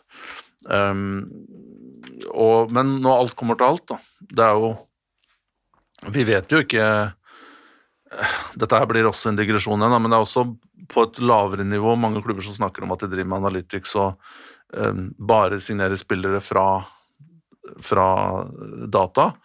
Eh, Men det er jo ingen som vet på en måte hva, hva er det egentlig disse, hva, er det de, hva, hva er det der utrolige programmene de hva, hva er det de ser i disse tallene som ikke andre oppegående folk gjør? da? Mye av dette her handler også om PR, at dette er klubber som skal bli solgt. Og det vil altså si at de skal rigges på en måte som gjør at investorer er interessert i å kjøpe dem. Og de som stort sett er interessert i å kjøpe fotballklubber i Europa, det er amerikanere, og da må du Ja. da må du øh, lage øh, pitchen da, rundt Analytics. Fordi de er så opptatt av det i USA? Og ellers så får du ikke på en måte, For amerikanere, du får ikke pitcha på dem på å si at ja, men vi har en god, godt akademi, og vi har liksom gjort ditt og datt. Fotballfaglig. Og du kan brife med at du liksom har vi har den beste ungdomstrenerne fra Frankrike og det og det vi har tatt derfra, men de, de har ikke noen referanser, ikke sant. Så de, for dem så må du prate om analytics hele tiden. Nå ble det en omvei her, Eivind. Men Dette er akkurat det vi ønsker oss da, i den podkasten her. men jeg, jeg, jeg, jeg tror, og Liverpool har også vært veldig sånn klare på at de rekrutterer på den og den måten. Um, men vi vet jo ikke og, og igjen, Liverpool har han eh, ok, Det er Michael Edwards nå, eh, som har slått seg opp gjennom analytics og data. Kom gjennom Damon Comolli, eh, som for så vidt var en pioner på det feltet der i, England. Så ble han med videre. Og så har de også en sånn derre sports scientist-fyr som, som det også har stått skrevet artikler om, som bare ser Han ser ikke fotballkamper, han ser bare tall. Ja. Og så blir det også sagt da i Liverpool at um, Nå er det heldigvis ikke noen Liverpool-supporter som hører på her, som kan eh, arrestere meg. Men eh, det blir også sagt at eh, Klopp snakker direkte med han her, ikke bare med Michael Edwards. Ikke at Edwards har noe problem med det, altså, men at Klopp er så interessert i den jobben som han sports scientisten gjør, da, med bare tall. Blir det, også, blir det også sagt at tall var en del av um, grunnen til at man rekrutterte Klopp. Da. Men jeg, fra min litt sånn mediekunnskap og Eller ikke kunnskap, blir jo pompøst å si, men fra mediebakgrunn så vet jeg også at det liksom eh, En del ting blir blir eh, malt i den fargen som du vil at folk skal, skal ha, da. Eh, Jeg tror Manchester United, sånn som jeg forstår det Igjen, dette er ut, outsider. eh, Sett utenfra, så mener jeg at de har en sånn I hvert fall det som er kommunisert, har en edruelig balanse, da. Mellom at de har veldig gode scouter. Jeg vet om personer som har vært intervjua, de har investert en del, dro inn mange scouts sånn kanskje på fire-fem år siden, forsto at dette er et område vi må, vi må prioritere. Eh, Ribalta var der, dessverre forsvant han av forskjellige årsaker, var inne på tidligere. Um, og at de også har gode uh, data, altså analytics-folk. Og så tror jeg de også har da evnen til å sette seg sammen ved et bord. En, en, en mann som er flink til å organisere, som John Murto, som klarer liksom å forstå hva er det viktige jeg skal ha med meg fra møtet her. Liksom, at man ser helheten i det. Og så tipper jeg at det er Murto som har da kontakten ned mot scouts, sjefspeidere, analytics, og at han tar med seg da informasjonen opp og presenterer det til, til Solskjær og, og eventuelt da Judge og Woodward. da. For du kan jo ikke ha med alle i, helt opp i prosessen. Nei. Det blir jo bare surr. Det som er interessant her, er jo eh, Etter det jeg har hørt, hvert fall, så falt på en måte speidernettverket sammen idet Ferguson forsvant, fordi det var han som hadde kontrollen på dem, liksom. Eh, og det har tatt, tid å bygge opp det igjen, og så har man uh, Y-Scout og United har liksom gått ut og brifa om at de vurderte 800 venstre, nei, høyrebacker. Uh, og så blir det litt ironisk når de da lander på han ene som alle skjønte at ja, selvfølgelig må det være Arion Wan Bissaka. Um, men Solskjær har jo uh, snakka litt om det her, um, og han eh, legger veldig stor vekt på det rundt personlighet når han skal signere spillere. og han Den er jo litt vanskelig å finne i Y-Scout, kanskje. Ikke sant? så uh, han og Mike Phelan reiste jo f.eks. til Lisboa for å se Bruno Fernandes i aksjon. Og Solskjær forklarte at han En ting er det du kan se på, på TV-en. Uh, du kan se at han slår en målgivende pasning og scorer på straffe, men hvordan varmer han opp? Eh, hvordan kommuniserer han med med- og motspillere? Eh, hvordan, han, eh, hvordan oppfører han seg overfor dommeren? Og det han sa i et intervju til oss, var at han så en flamme i Fernandes fra tribunen der, som egentlig bare liksom bekrefta det, eh, bekrefta det inntrykket han hadde. Og jeg føler det er litt det samme med Edinson Cavani, eh, også sånn, et godt eksempel på det. Eh, men spørsmålet blir jo da på en måte Hvis du gjør det på gamlemåten, for å si det sånn, og setter deg på tribunen, og hvordan skal du på en måte bli kjent med en spiller som du ikke kan snakke med? Ja, jeg er litt inne, faktisk det der er jeg litt inne på i den der 24 timer før deadline-saken Mm. som ligger på ISBN der, for det er jo akkurat det du ikke får tid til når du liksom starter et kjøp klokka åtte på morgenen som skal finaliseres da eh, Ja, hva blir det? Eh, 14 timer senere, eller litt, litt mer, kanskje, blir det. Ja. Eh, 4.16. Ja. Um, men um, artig det du sier der om eh, Ferguson. Der tipper jeg at på, han kommer fra liksom en generasjon som eh, scouts. Det var mer sånn du ga til kompisene dine. Ja. Broren hans var scout Ja, i United. ja, ja. Og jeg husker jeg traff en fyr eh, mye i Italia sånn på slutten av 2000-tallet. Han så en del Han traff jeg nesten overalt. Han var jo waliser Jeg husker ikke navnet hans. Veldig veldig hyggelig type. Og han jobba for Manchester United og var, var vel godt oppe i 70-årene da, tror jeg. Han hadde sikkert et veldig veldig godt øye for, for spillere. De jobba jo på en, på en helt annen måte, da, selvsagt. Um, og jeg, jeg liker den eh, anekdoten der, da, som du kom med, Eivind. Fordi vi må aldri glemme at det her er um, Og jeg, jeg er også fullstendig enig i at vi må ha tall på ting. Og det er klart at på Bruno her, så, så han, han scora jo jeg har bare gått tilbake faktisk fra det sportingåret og sett på tallene hans, er jo helt ekstreme. Så, så den er jo på en måte tikk, den Mm. boksen er med en gang. Mm. Så jeg skjønner at han ble flagga opp av de som satt og studerte tall. Um, men jeg er også stor, eh, stor fan av at du Og det, der tror jeg også Ferguson var sånn eh, Ja, jeg har aldri hatt anledning til å treffe han, uh, men alle jeg har snakka med, det er sånn Bill Clinton, han husker navnet ditt selv om du liksom er en nobody han treffer deg tolv år etterpå, så husker han navnet. Ja, det er, det er helt vilt. Og det er en teknikk, sier man, som, men det er jo også at du blir sett av en sånn person. Du, men han, han, han har jo det menneskelige eh, karisma og du føler Det er litt som med Mourinho, da, selv om han har på en måte blitt gubbe. At, at han Han har ikke blitt en varm mann, da, på, i slutten av 50-årene. Han har blitt mer sånn bitter og, og, og lei. Men jeg må også, han har jo truffet et par ganger som har veldig stort vesen, og du liksom trykker på de riktige knappene hos enhver person.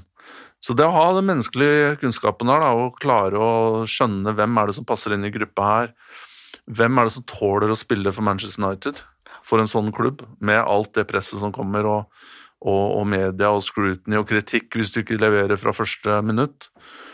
Og akkurat det du sier da om Bruno Fernandes der med at han har liksom den derre fanden i voldskheten, da. Mm. Det er, det er jo Som trener så er jo det du, du elsker sånne spillere. Du vil ha elleve av dem, ikke sant? Selv om det er vanskelig å finne. Så her er det rett og slett altså, eh, Det må et menneske til for å se et menneske, da. Egentlig. Ja og, jeg, og jeg, ja, og jeg tror Solskjær har Det er jo ting Vi kan jo le av at han liksom refererer til Ferguson hele tiden og har blitt liksom gjort en vits ut av det, men det tror jeg er en sånn greie han har tatt med seg fra den generasjonen. Som kanskje en del av disse unge trenerne som er på vei oppover nå, veldig dyktige og har lest manualen og flittige studenter og kan alt om det siste innenfor eh, terminologi fra Spania, om eh, Ikke sant? Um, men de kan jo kanskje ikke så mye om det mellommenneskelige, Mm. som faktisk er ganske grunnleggende her. Ok, men Da har vi på en måte vært innom aktørene i en overgang, vært innom speidinga, eh, kartleggingen av spillere og den eh, dynamiske lista man har. Nå Eivind, tenker jeg, når går vi fram til den reelle kontakten? En klubb skal ta kontakt med en spiller. Ja, Da blir det kanskje litt feil å bruke Ronaldo som eksempel, men det føles veldig riktig når vi sitter her nå. Eh, men bare for å tegne et veldig grovt bilde av hvordan situasjonen var, så virker det i hvert fall som at Ronaldo i utgangspunktet ikke sto på blokka til United i, i sommer, eh, og så er han på vei til, til City. Eh, og da ringer alarmen på Old Trafford, og ifølge engelske medier i hvert fall, så er det Solskjær som plukker opp telefonen og ringer Ed Woodward og sier eh, kan vi prøve å få til noe her. Eh, han kan ikke gå til City, og det skal også ha vært eh, det Ferguson har eh, tenkt, og han skal ha ringt Ronaldo personlig. Uh, Ferdinand har tatt kontakt, og Evra Fernandes har uh, sendt meldinger, så her, er, her har det gått etter en eller annen melding ut i en felleschat om at Ronaldo må overbevises. Um, det her er jo som sagt et veldig spesielt tilfelle, fordi det er en connection her mellom Ronaldo og, og United. Det er faktisk, Man kan ringe spilleren direkte på en måte og snakke som en kompis. Uh, og også fordi det skjer såpass tidlig, da. Men uh, du var innom det, TK, at det liksom Det første som skjer, er jo gjerne at klubben kontakter spillerens agent rett og slett for å sjekke er det interessant.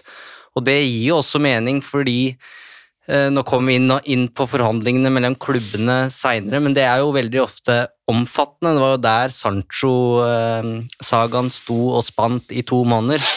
Og det er ikke noe poeng å gå gjennom den forhandlinga hvis ikke spilleren er interessert. Mm. Og det er vel kanskje det beste argumentet for at det må være greit å sjekke status hos spillerens agent først. Ja. ja. Um, by the way, den chatten uh, der, den skulle vi sendt han portugiseren uh, på. Han uh, Football Leagues-film. ja. Og fått, fått hacka, hacka, den. Ja, det må være mulig å få hacka den ut. Jeg, jeg husker ikke navnet hans. Rui et eller annet. Evra har vel lagt ut sin chat, i hvert fall, mm. med Cristiano, så jeg. Eh, oh, ja. sånn, I'm coming to your club. Ja. det, det, der har blitt veldig sånn skummelt, altså, og det har jeg faktisk tenkt mye på. Apropos, dette er jo relevant, Erlend. Ja. At um, både i Altså, de siste klubbene jeg har vært i, da, i hvert fall i Israel og nå faktisk også her i Norge, at, mm. at mye er jo teksting.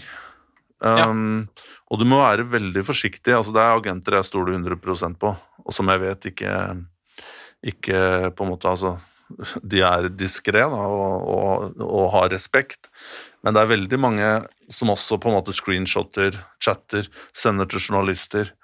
Um, nå kødder jeg ikke. Det skjer. Ja. Så du må være veldig forsiktig. Så hvis det er noe veldig viktig, så må du bare ringe. Ja. Og selv da må du være forsiktig, for nå er det apper som tar opp samtaler, mm. og, men da er du liksom på sånn veldig Det er jo nesten kriminelt å gjøre det, altså ja. datasikkerhet og sånne ting. At du, du skal jo ikke ta opp en samtale uten, at, uten samtykke, men, men, det er i hvert fall Det her skjer. Um, og jeg syns jo det er interessant nok bare at det er WhatsApp, eller altså meldings At det er den måten det kommuniseres på. Fordi med store fotballklubber og si at det er Cristiano Ronaldo det er snakk om, så ser man nesten for seg at det er en veldig formell, formell eh, e-post som går fra den ja. ene parten til den ja. andre. Og, nesten et brev. Ikke sant? Ja, men det er faktisk meldinger. Ja, men her vil jeg bare hoppe inn og at um, jeg, jeg, nå har Ferdinand og Evra og, og, og hva sist der? Eh, Bruno mm, og DG, og de to siste der er jo på en måte stakeholders, så at de har blitt gira og Hva skjer her nå, Cristiano? Har noe info, kommer du hit? Og så videre. Jeg tror det er sånn den chatten har ja.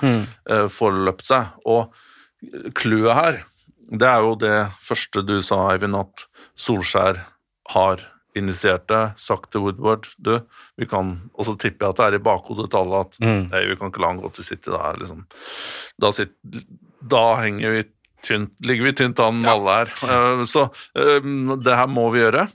Og da er det ikke disse tekstmeldingene og WhatsAppene. Og Woodward satt ikke og WhatsAppa Andrea Agnelli. Altså, han ringte og ja. uh, Men her, relevant til poenget, det er at det, det, det er litt mer sånn backhanded, da, prosessen her. Og det, det, er litt mer sånn sømløst at Og det tror jeg igjen er jobben til John Murtog, jeg var litt inne på det tidligere, at du som sportsdirektør, teknisk direktør, at du er ute i markedet hele tida, og du hører hva som er mulig, ikke mulig. Du har f.eks. en middag. da. Du kan gjøre det på litt annen måte. La oss si at du er interessert i kan bruke Kamavinga eh, igjen.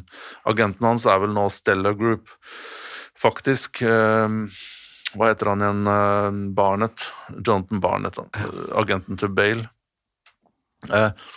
Og det er jo en stor engelsk agent, kanskje den største. Så, og han jo, har sikkert også spiller i Manchester United, ikke sant.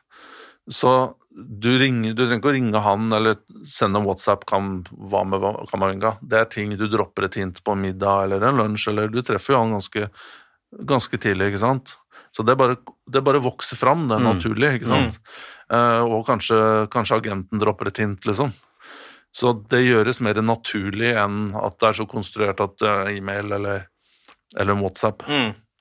Um, og du må også gjøre det på en litt sånn smart måte, sånn at du ikke blir blir um, Ja, det kan jo være andre klubber altså, du, Hvis det ikke er en agent du En stor agent som du stoler ganske godt på, så kan det også være sånn at møtet ditt Hvis du har et konkret møte uh, der agendaen din er å hente den spilleren og få informasjon, så blir det lekka videre. Spilleren skal ikke, egentlig ikke til klubben din, men han ønsker seg et annet sted, men den informasjonen blir brukt, da. Ja. Så du må være litt sånn på vakt, og det gjøres gjerne liksom mer på sofistikerte måter da, enn det som ofte blir fremstilt i pressen, vil jeg si. Jeg, dette er veldig inter interessant. Jeg tror det er der Først og fremst der United har faila litt. Da. Nå snakka vi om viktigheten av relasjoner tidligere, og det er jo litt det, det samme det går på her. Og med Woodward ny i gamet, så, så tror jeg kanskje det er der United har hatt flest mangler. da. Hans kunnskap i på en måte overgangsuniverset har, har ikke vært god nok. Uh, Men han har jo, jeg syns han har vokst med oppgavene, Eivind. Det er ingen tvil om, og det jeg det er det, det er det som er litt ironisk nå, at han forlater klubben med det som utvilsomt var er det beste vinduet han har hatt. Mm. Så timinga er egentlig litt, eh, litt rar.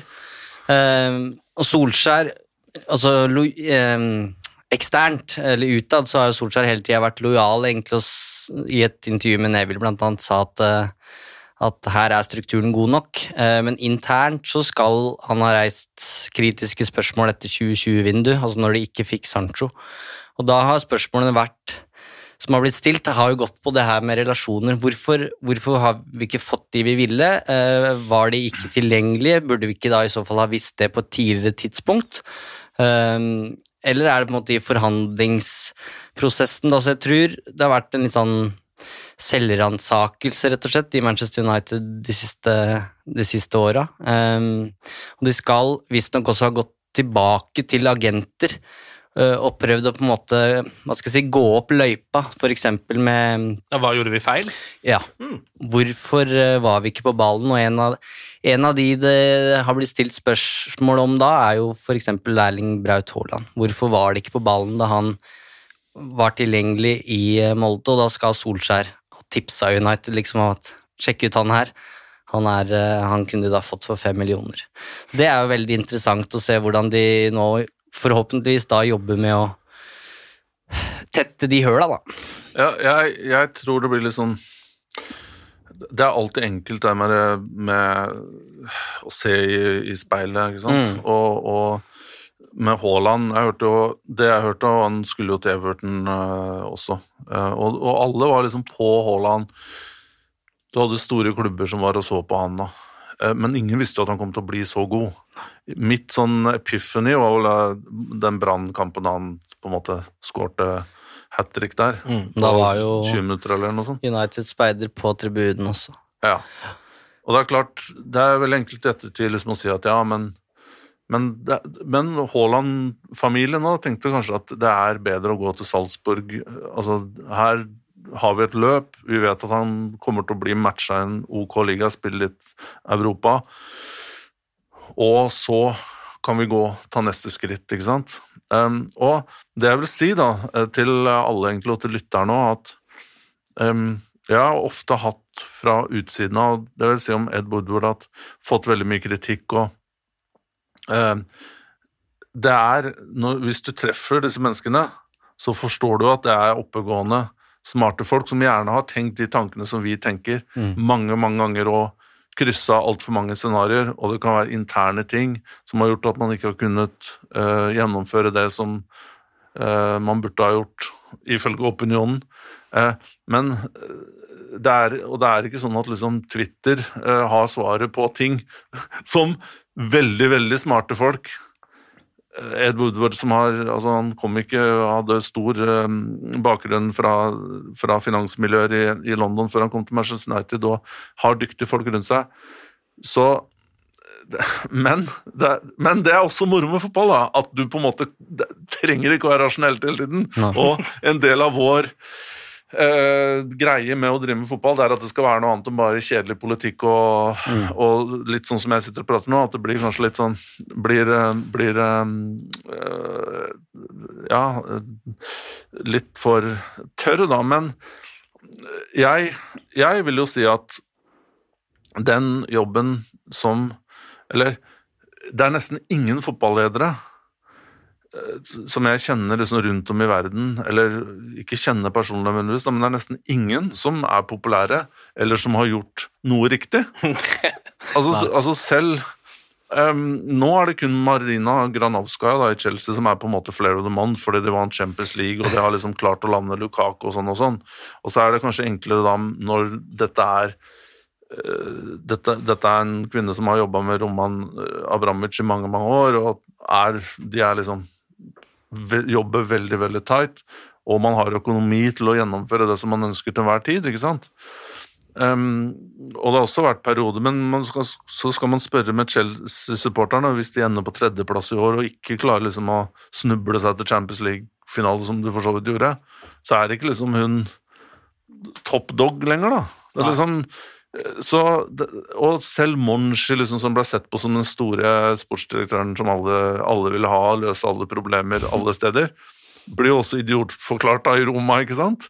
Så det er liksom alt med litt med, med habitaten du er i. Hva, hva er du god til? Hvor hører du hjemme? Hva er dine styrker? Hvordan kan du få brukt dem? Um, og det er ikke nødvendigvis fordi du er flink i Sevilla, så, så lykkes du i Manchester United eller Chelsea eller Det er litt andre skills, men jeg syns jo sånn Den både jobben Ed Woodward har, det ansvaret Både eh, Dette er et PLC, og det er med hundrevis av ansatte og og du har en ja, er, som sagt, det er aksjeselskap, kurs som går opp og ned. Du skal komme med kvartalsrapporter og alt mulig sånne ting. Så du har den kommersielle business-siden, Øre, og så har du den sportslige siden med de utfordringene som snus hele Mm. tiden. Taper du, hadde Manchester United tapt mot Wolves, da, som de Mm. fort kunne ha gjort, var det ikke for De Gea med den fantastiske redningen, så kunne liksom dynamikken og tilbakemeldingene du får, klimaet hadde snudd seg helt, og det får du nesten ikke opplevd noe annet sted i fotball, hvor ting snur så fort. Um, så jeg syns både egentlig Og jeg kan bare forestille meg ut fra de på en måte lavprofiljobbene jeg har hatt, da, altså sammenligna, jeg kan bare forestille meg hva slags hverdag Edward Woodward har hatt. da. Mm. Så at han på en måte takker for seg nå etter 10-12 år, og han kommer til å få et bedre liv. Det, det tror jeg òg. og, og det er veldig moro, folk vi kan på en måte misunne han tjener to millioner pund eller hva i året, Han han liksom, winer og diner med, med folk vi, vi syns er kule og sånn, men, men det livet der, det går det liksom fort lei av, altså. Når du skjønner at det er vanvittig tøff jobb. Og det samme vil jeg si om Solskjær, da, som, men som har på en måte vært under eksamen. Taper han to kamper, så er det en ny eksamen. Liksom. Blir aldri ferdig med den der runden der, ikke sant? Fordi han ikke har hatt store jobber før. Men at han klarer liksom å stå i det her og kommer seg forbi disse situasjonene når, det, når presset kommer på igjen, så kommer han igjen, da. Mm. Og står på. Så jeg har ekstrem respekt for, for både Woodward og Solskjær som som klarer å stå i disse jobbene her, på den Mm. måten. Og det er jo det vi prøver på litt med denne episoden her òg, å tegne et bilde av overgangsmarkedet som en veldig kompleks jungel, da, sammenligna med ryktebørsen på United.no, hvor det kan virke veldig veldig primitivt. Ja. Eh, og det har jo blitt, på en måte blitt en underholdningsbransje, og det er derfor vi også holder det i ryktespalten at de som vil ha det, de kan gå dit. Og det er veldig mange. Men, og det er helt greit, men eh, overgangsmarkedet er jo eh, så komplekst da, som vi nå sitter og, og lærer om, og ja, jeg vet ikke om vi kommer i mål engang, men eh, det er så mange ting å, snakke om, og, det for oss å evaluere jobben Ed Woodward har gjort, bare ved å se på eh, transfers inn og ut, veldig, veldig vanskelig. Ja, det er jo det. Noen spørsmål jeg føler vi må rekke her før vi gir Ja. oss. Eh, og det ene er når vi, Nå sitter vi ved forhandlingsbordet, da, eh, hele gjengen her. Eh, og hva forhandles det om? Altså, Vi vet eh, lønn, eh, kontrakt, hvor mange år kontrakten er, sign-on fee kanskje. Er det noen andre ting som ikke vi er klar over? Ehm, ja, altså eh, lønn sign-on fee er jo de mest eh, opplagte. Ehm, og så er det jo mer sånne add-ons, altså type eh, at hvis du er en ung spiller, da, som så har kanskje lønnsøkelser og sånn trappe Mm. staircasing, da, lønn. Etter 25 kamper fra start så skal du opp til så og så. Um, der er det faktisk veldig mye sånn kriging, fordi på én side nå, nå blir det veldig sånn teknisk her, så de som på en måte syns det er kjedelig, de får ha meg unnskyldt, men der ligger det Det er mange som det er, det er to måter å tenke på når det gjelder staircasing av lønn. Det er ikke så veldig vanlig på det høye nivået her. Eh, Men selv hvis du kommer litt, litt eh, mindre Premier League-klubber, da ehm, Spesielt hvis du henter utlendinger som kommer fra et lavere nivå og får en vanvittig race. La oss si du henter en spiller fra en mindre klubb i Portugal som som kanskje tjener 10 12 14 000 euro i, i måneden. Altså, Og du skal opp til 40 000 pund i uka. um, så, så, så vil den spilleren sannsynligvis bli lagt på et nivå som er litt lavere enn de som presterer veldig bra i den klubben. Og for, da er det en oppveiing da, mellom ehm, for deg som klubbrepresentant om det er eh, fordelaktig med en staircasing, sånn at du liksom gradvis får litt mer progressivt etter hvert som man starter kamper. Jeg liker jo best det med å starte, ikke at du skal få for et innhopp på to minutter, men Nei. agenten vil jo selvsagt ha for det innhopp på cup og friendlies og alt mulig. Så det er en ting det blir diskutert over, akkurat hvordan den staircasingen blir implementert. Men det andre alternativet det er jo at du lar han være på 40, men hvis han presterer veldig bra i tre-fire kamper, så kommer agenten. Ja. Og da skal han opp til 60, 70. Um, så det der må du bli veldig vanskelig å vite akkurat hvor du skal legge den på. Um, og Men eh, det beste for klubben, som jeg sier, da, det er jo, en, det er jo liksom en staircasing hvor etter la oss si 50-60 kamper, så er spilleren der oppe på de, på de beste. Eh, Og så kan det jo ende opp med at du har staircase, men allikevel så kommer, kommer agenten og sier nei, men dette går for sent, han skal opp fort. For det spillerne prater jo sammen, og med en gang så vet man jeg tenner det, og jeg tenner det.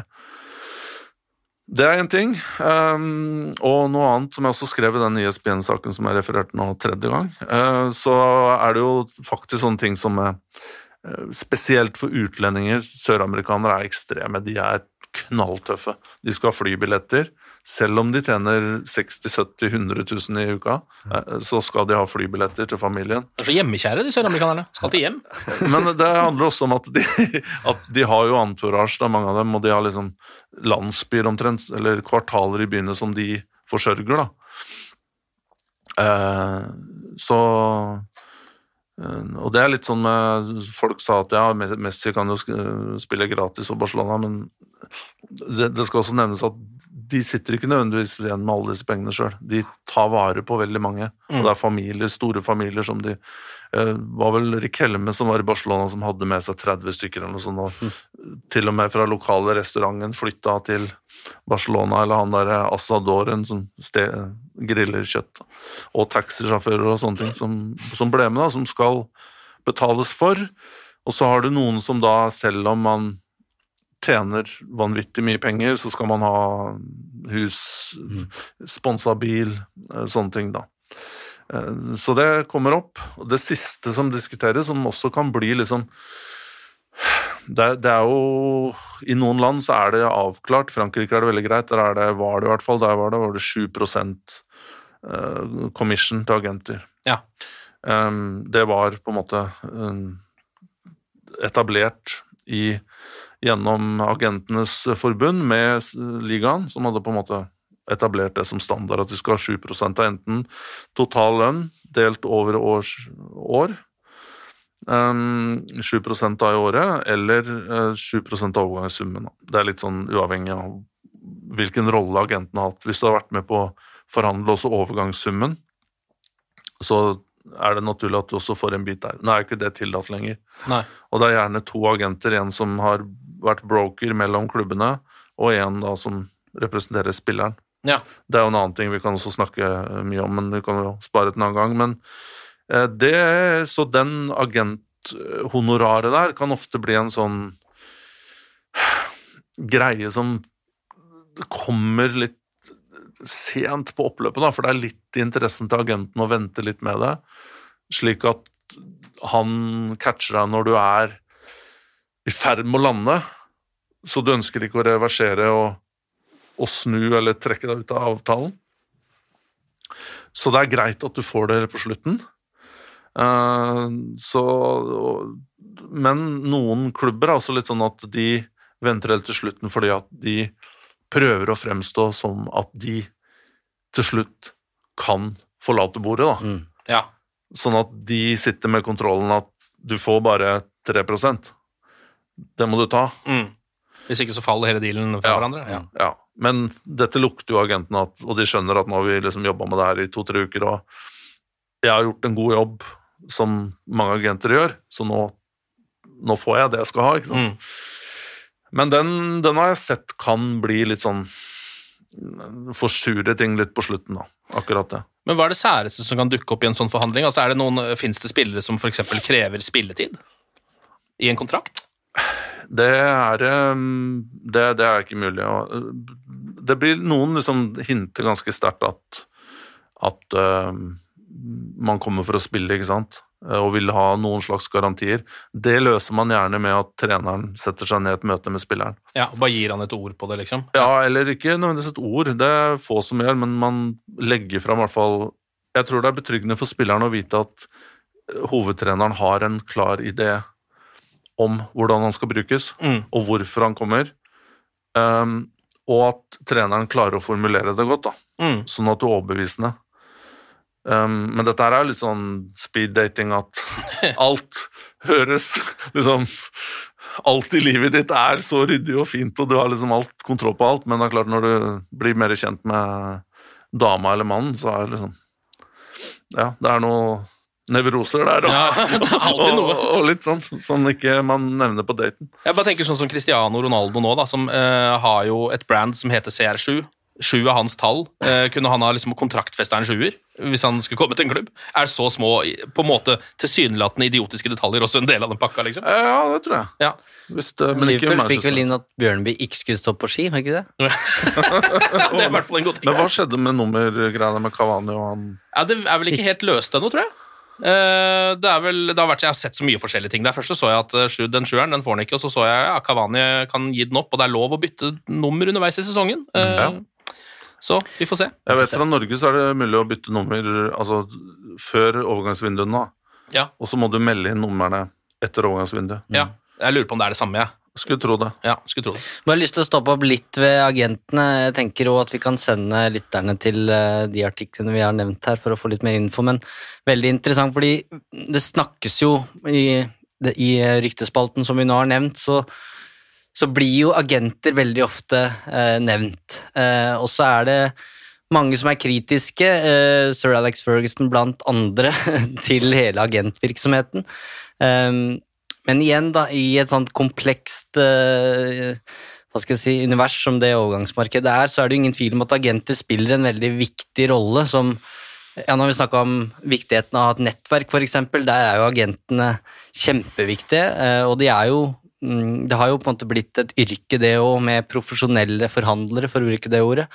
Eh, vi har fått et spørsmål fra Mathias som jeg tror veldig mange United-supportere lurer på, og det handler om dynamikken mellom spiller og agent, og den vil jo være selvfølgelig unik fra tilfelle til tilfelle, da, men det er jo så mange United-supportere nå som bare er dritlei eh, Paul Pogba og alt snakket.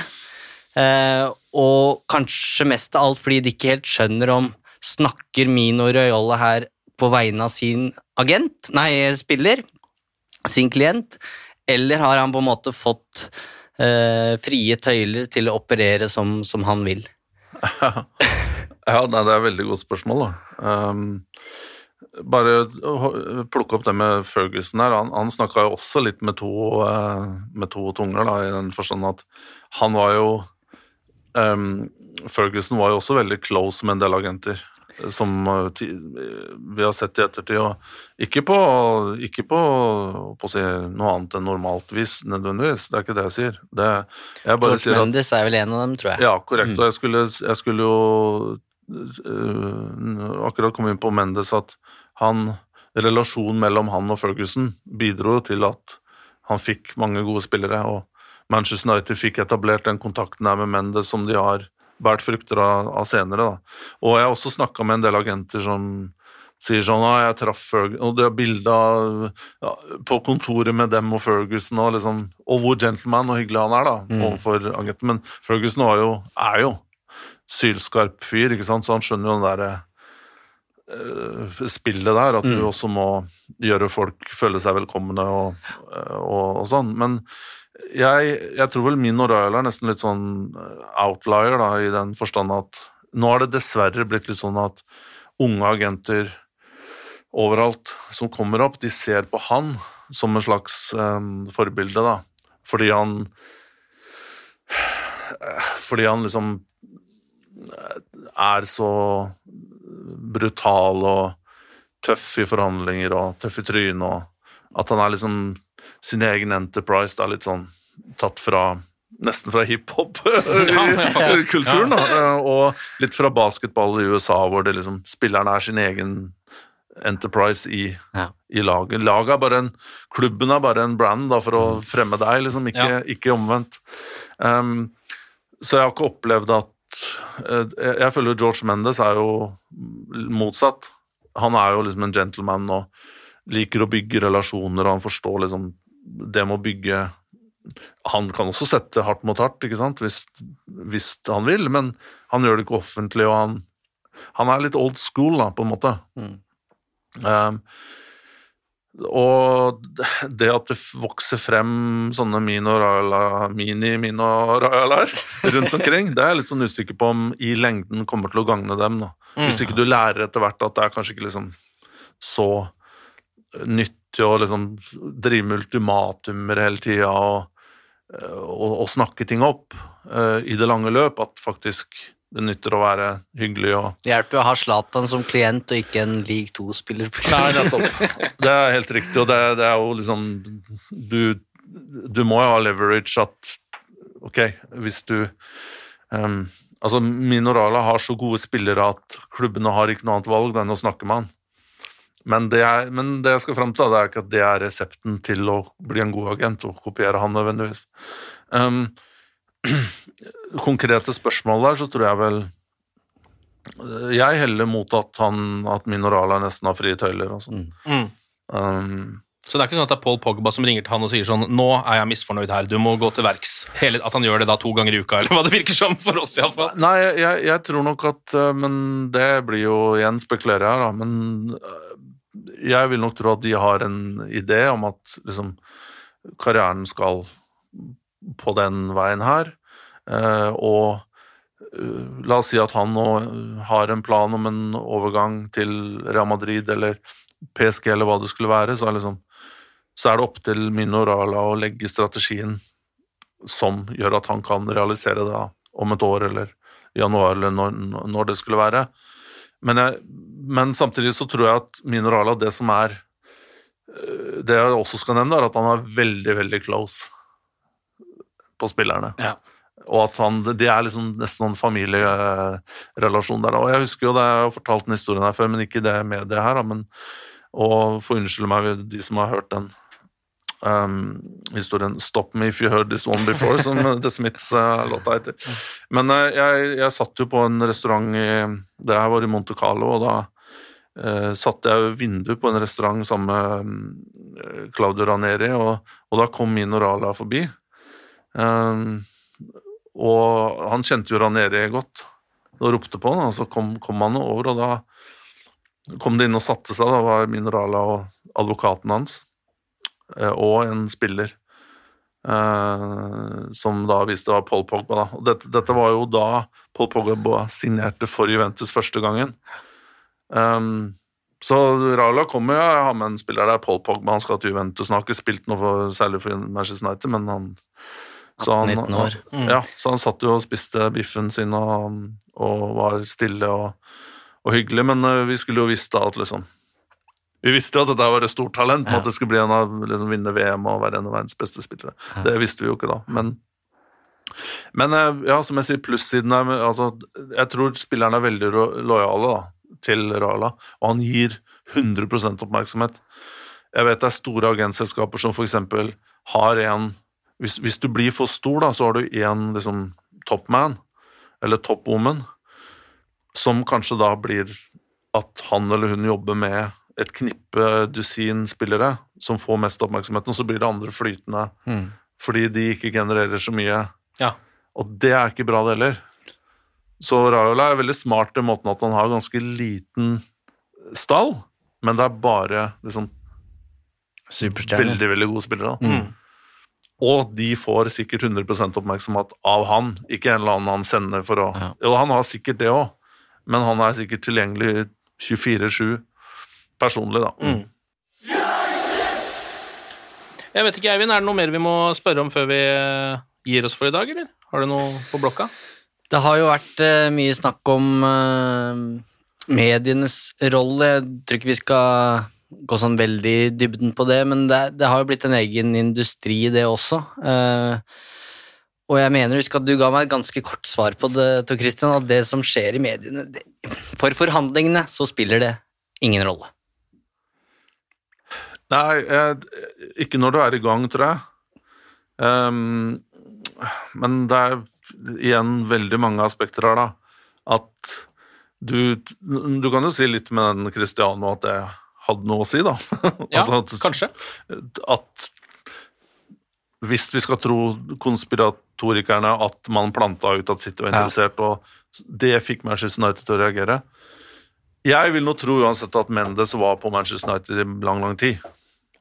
Men at kanskje det at Manchester City skal ha kommet på banen, at det trigga, da. Ja. Um, men sånn eh, Det er riktig som du sier, Eivind, at det er, liksom, det er jo en egen industri, og nå har du transfer-journalister, og, og du har Altså, man ser jo på algoritmen, eller på tallene fra hva som selger av saker, hva som får klikk, så er det jo overganger. Mm. Absolutt nummer én. Det, er- det, det har jo blitt en, et sirkus Ja. i seg selv. Jeg vet ikke om man kan sammenligne det men, men uh... Nei, altså, men det sier seg jo altså Det var vel den Instagram-posten da United offentliggjorde Cristiano Ronaldo, er vel den mest likte Instagram-posten noensinne, eller sånn, så jeg. Ja. Det sier jo alt om interessen rundt dette. Eh, Så det er, ja, det er som du sier, det er jo en, det er en, ja, det er jo en egen business, nesten. Bare Ja. overgangene. Og, og det som gjør det enda mer på en måte ironisk her, det er jo at man har jo også algoritmer på at supportere, spesielt de eh, på en måte som er i 20-årene og yngre nå, ser mindre og mindre av kamper. De ser mer highlights, korte snutter, eh, men allikevel så er de enda mer gira på transfers, Ja. på en måte. Eh, Så det at spilleren faktisk Det er nesten sånn at litt antiklimaks, da, når spilleren faktisk debuterer, og hvis ikke du er på staden og sånn, da, for det, folk er så gira over den der suspensen rundt kommer han, kommer han ikke, hvor mye koster den, regnestykket, alt det der. Så selve hverdagen er liksom er ikke så interessant lenger, da. Det var vel ikke så mange som så eh, Lionel Messi debutere for PSG nå nettopp, så han hadde én touch på ballen eller sånt, tror jeg. så, Det er på en halvtime. ja, på en halvtime, ja. Så ja, det ble et lite antiklimaks, men eh, Ja, nei, det har eh, Altså, det er noe med det at fotballsupportere liker da å drømme om hva det kan bli, ikke sant? Det er jo det vi er jo drømmere, vi som liker fotball. Eh, og så har det blitt dratt veldig langt. Jeg føler jo klubbene har på en måte meldt seg på litt. Vi ser jo hva slags presentasjoner de, de lager av de spillerne her, så Mm. de òg merker på en måte effekten av det. Mm. Um, så Men det er jo romantikken der, som du sier, og den, den forventningen og hva det kan bli. Og, det, derfor så sammenligner jeg det faktisk litt med, med å gifte seg, da. og altså kloke, altså hvis du på en måte ser på tallene, så er det jo ikke på en måte eh,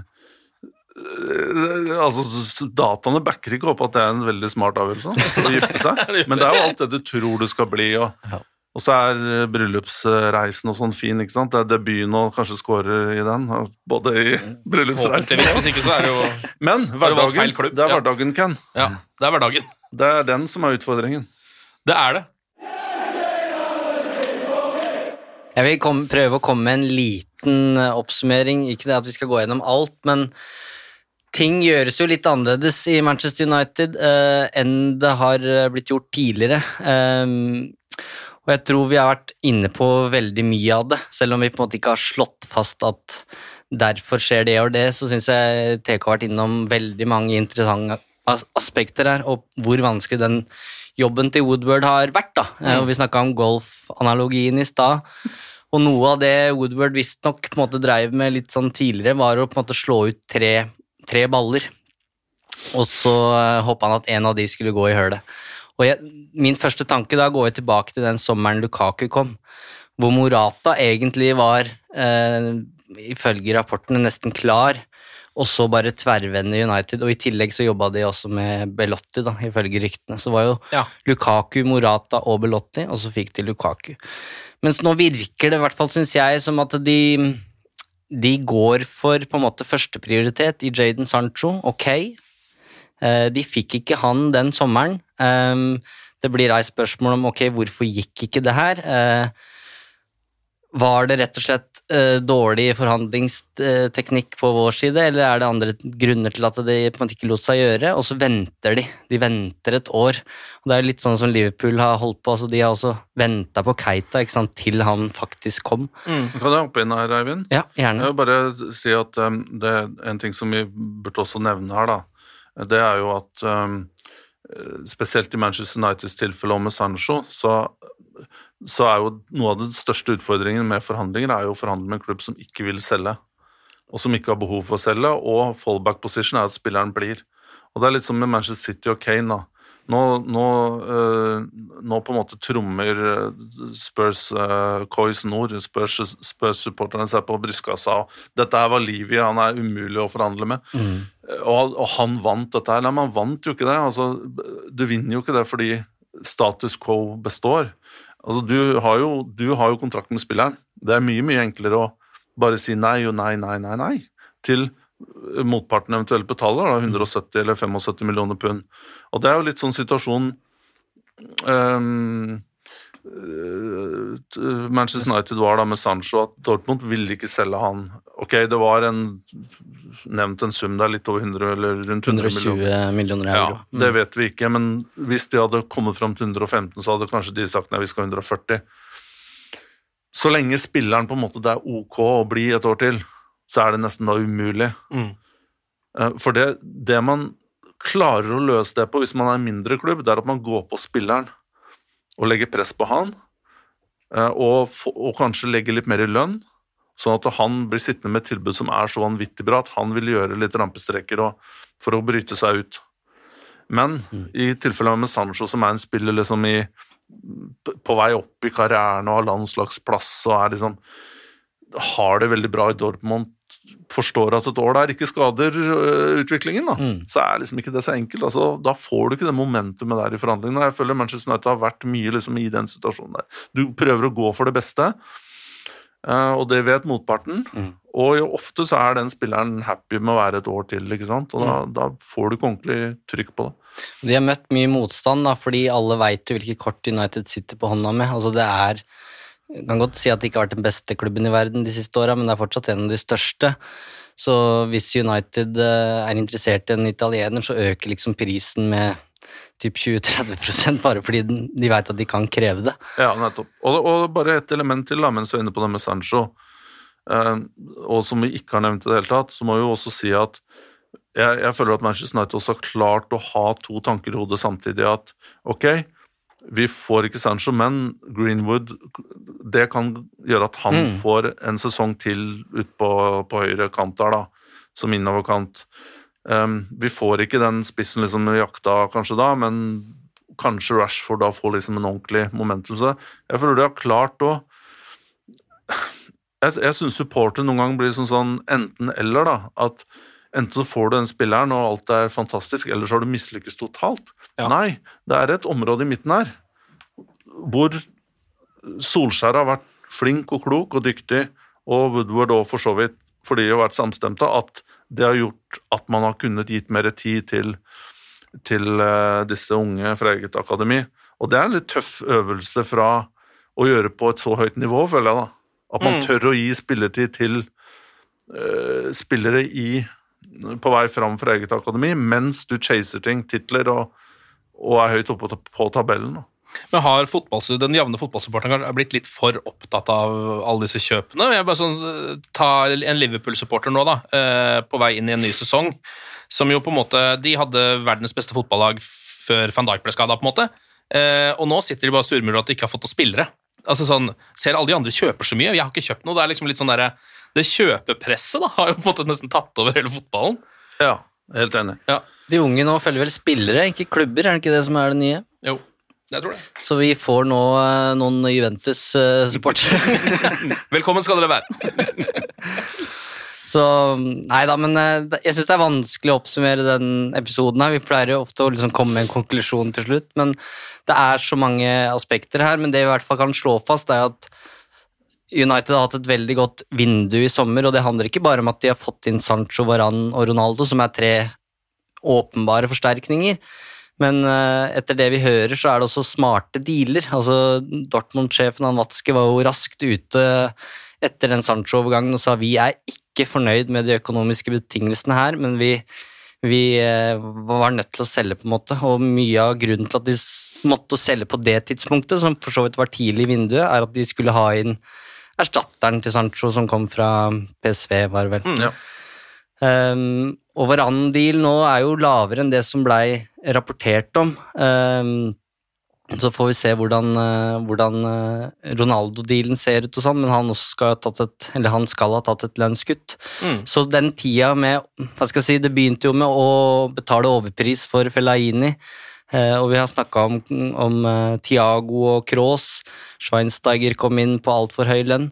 Det virker som de i hvert fall har skjønt at måten de har drevet på, ikke har vært fornuftig. da, Og at det gjøres grep for å rette det opp. Og så er det et rekrutteringsteam der nå med ja, Vi får si at John Murto og Darren Fletcher på en måte er i spissen der, mens eh, Woodward og Matt Judge enn så lenge da på en måte styrer det overordna, da. Men eh, jeg syns det er vanskelig da på en måte ikke Når vi, vi starta her med å gi vinduet terningkast seks, så jeg jeg syns det er vanskelig ikke gi United honnør akkurat her og nå for det de har gjort i sommer, og, og at det også gir Nå skal jeg bruke et ord som TK ikke liker, men at Solskjær-prosjektet går en lys tid i, i møte med tanke på rekruttering neste sommer. Mm.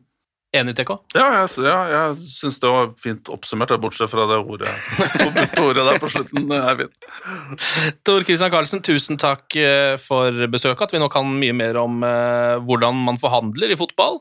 Eh, få med deg Mercato på eh, fotball-TV, og så linker vi til alle artiklene som vi har nevnt her også, i saken. Ok, takk for i dag. Eivind, takk for deg. Takk for meg. TK, takk for deg. Takk for at jeg fikk komme.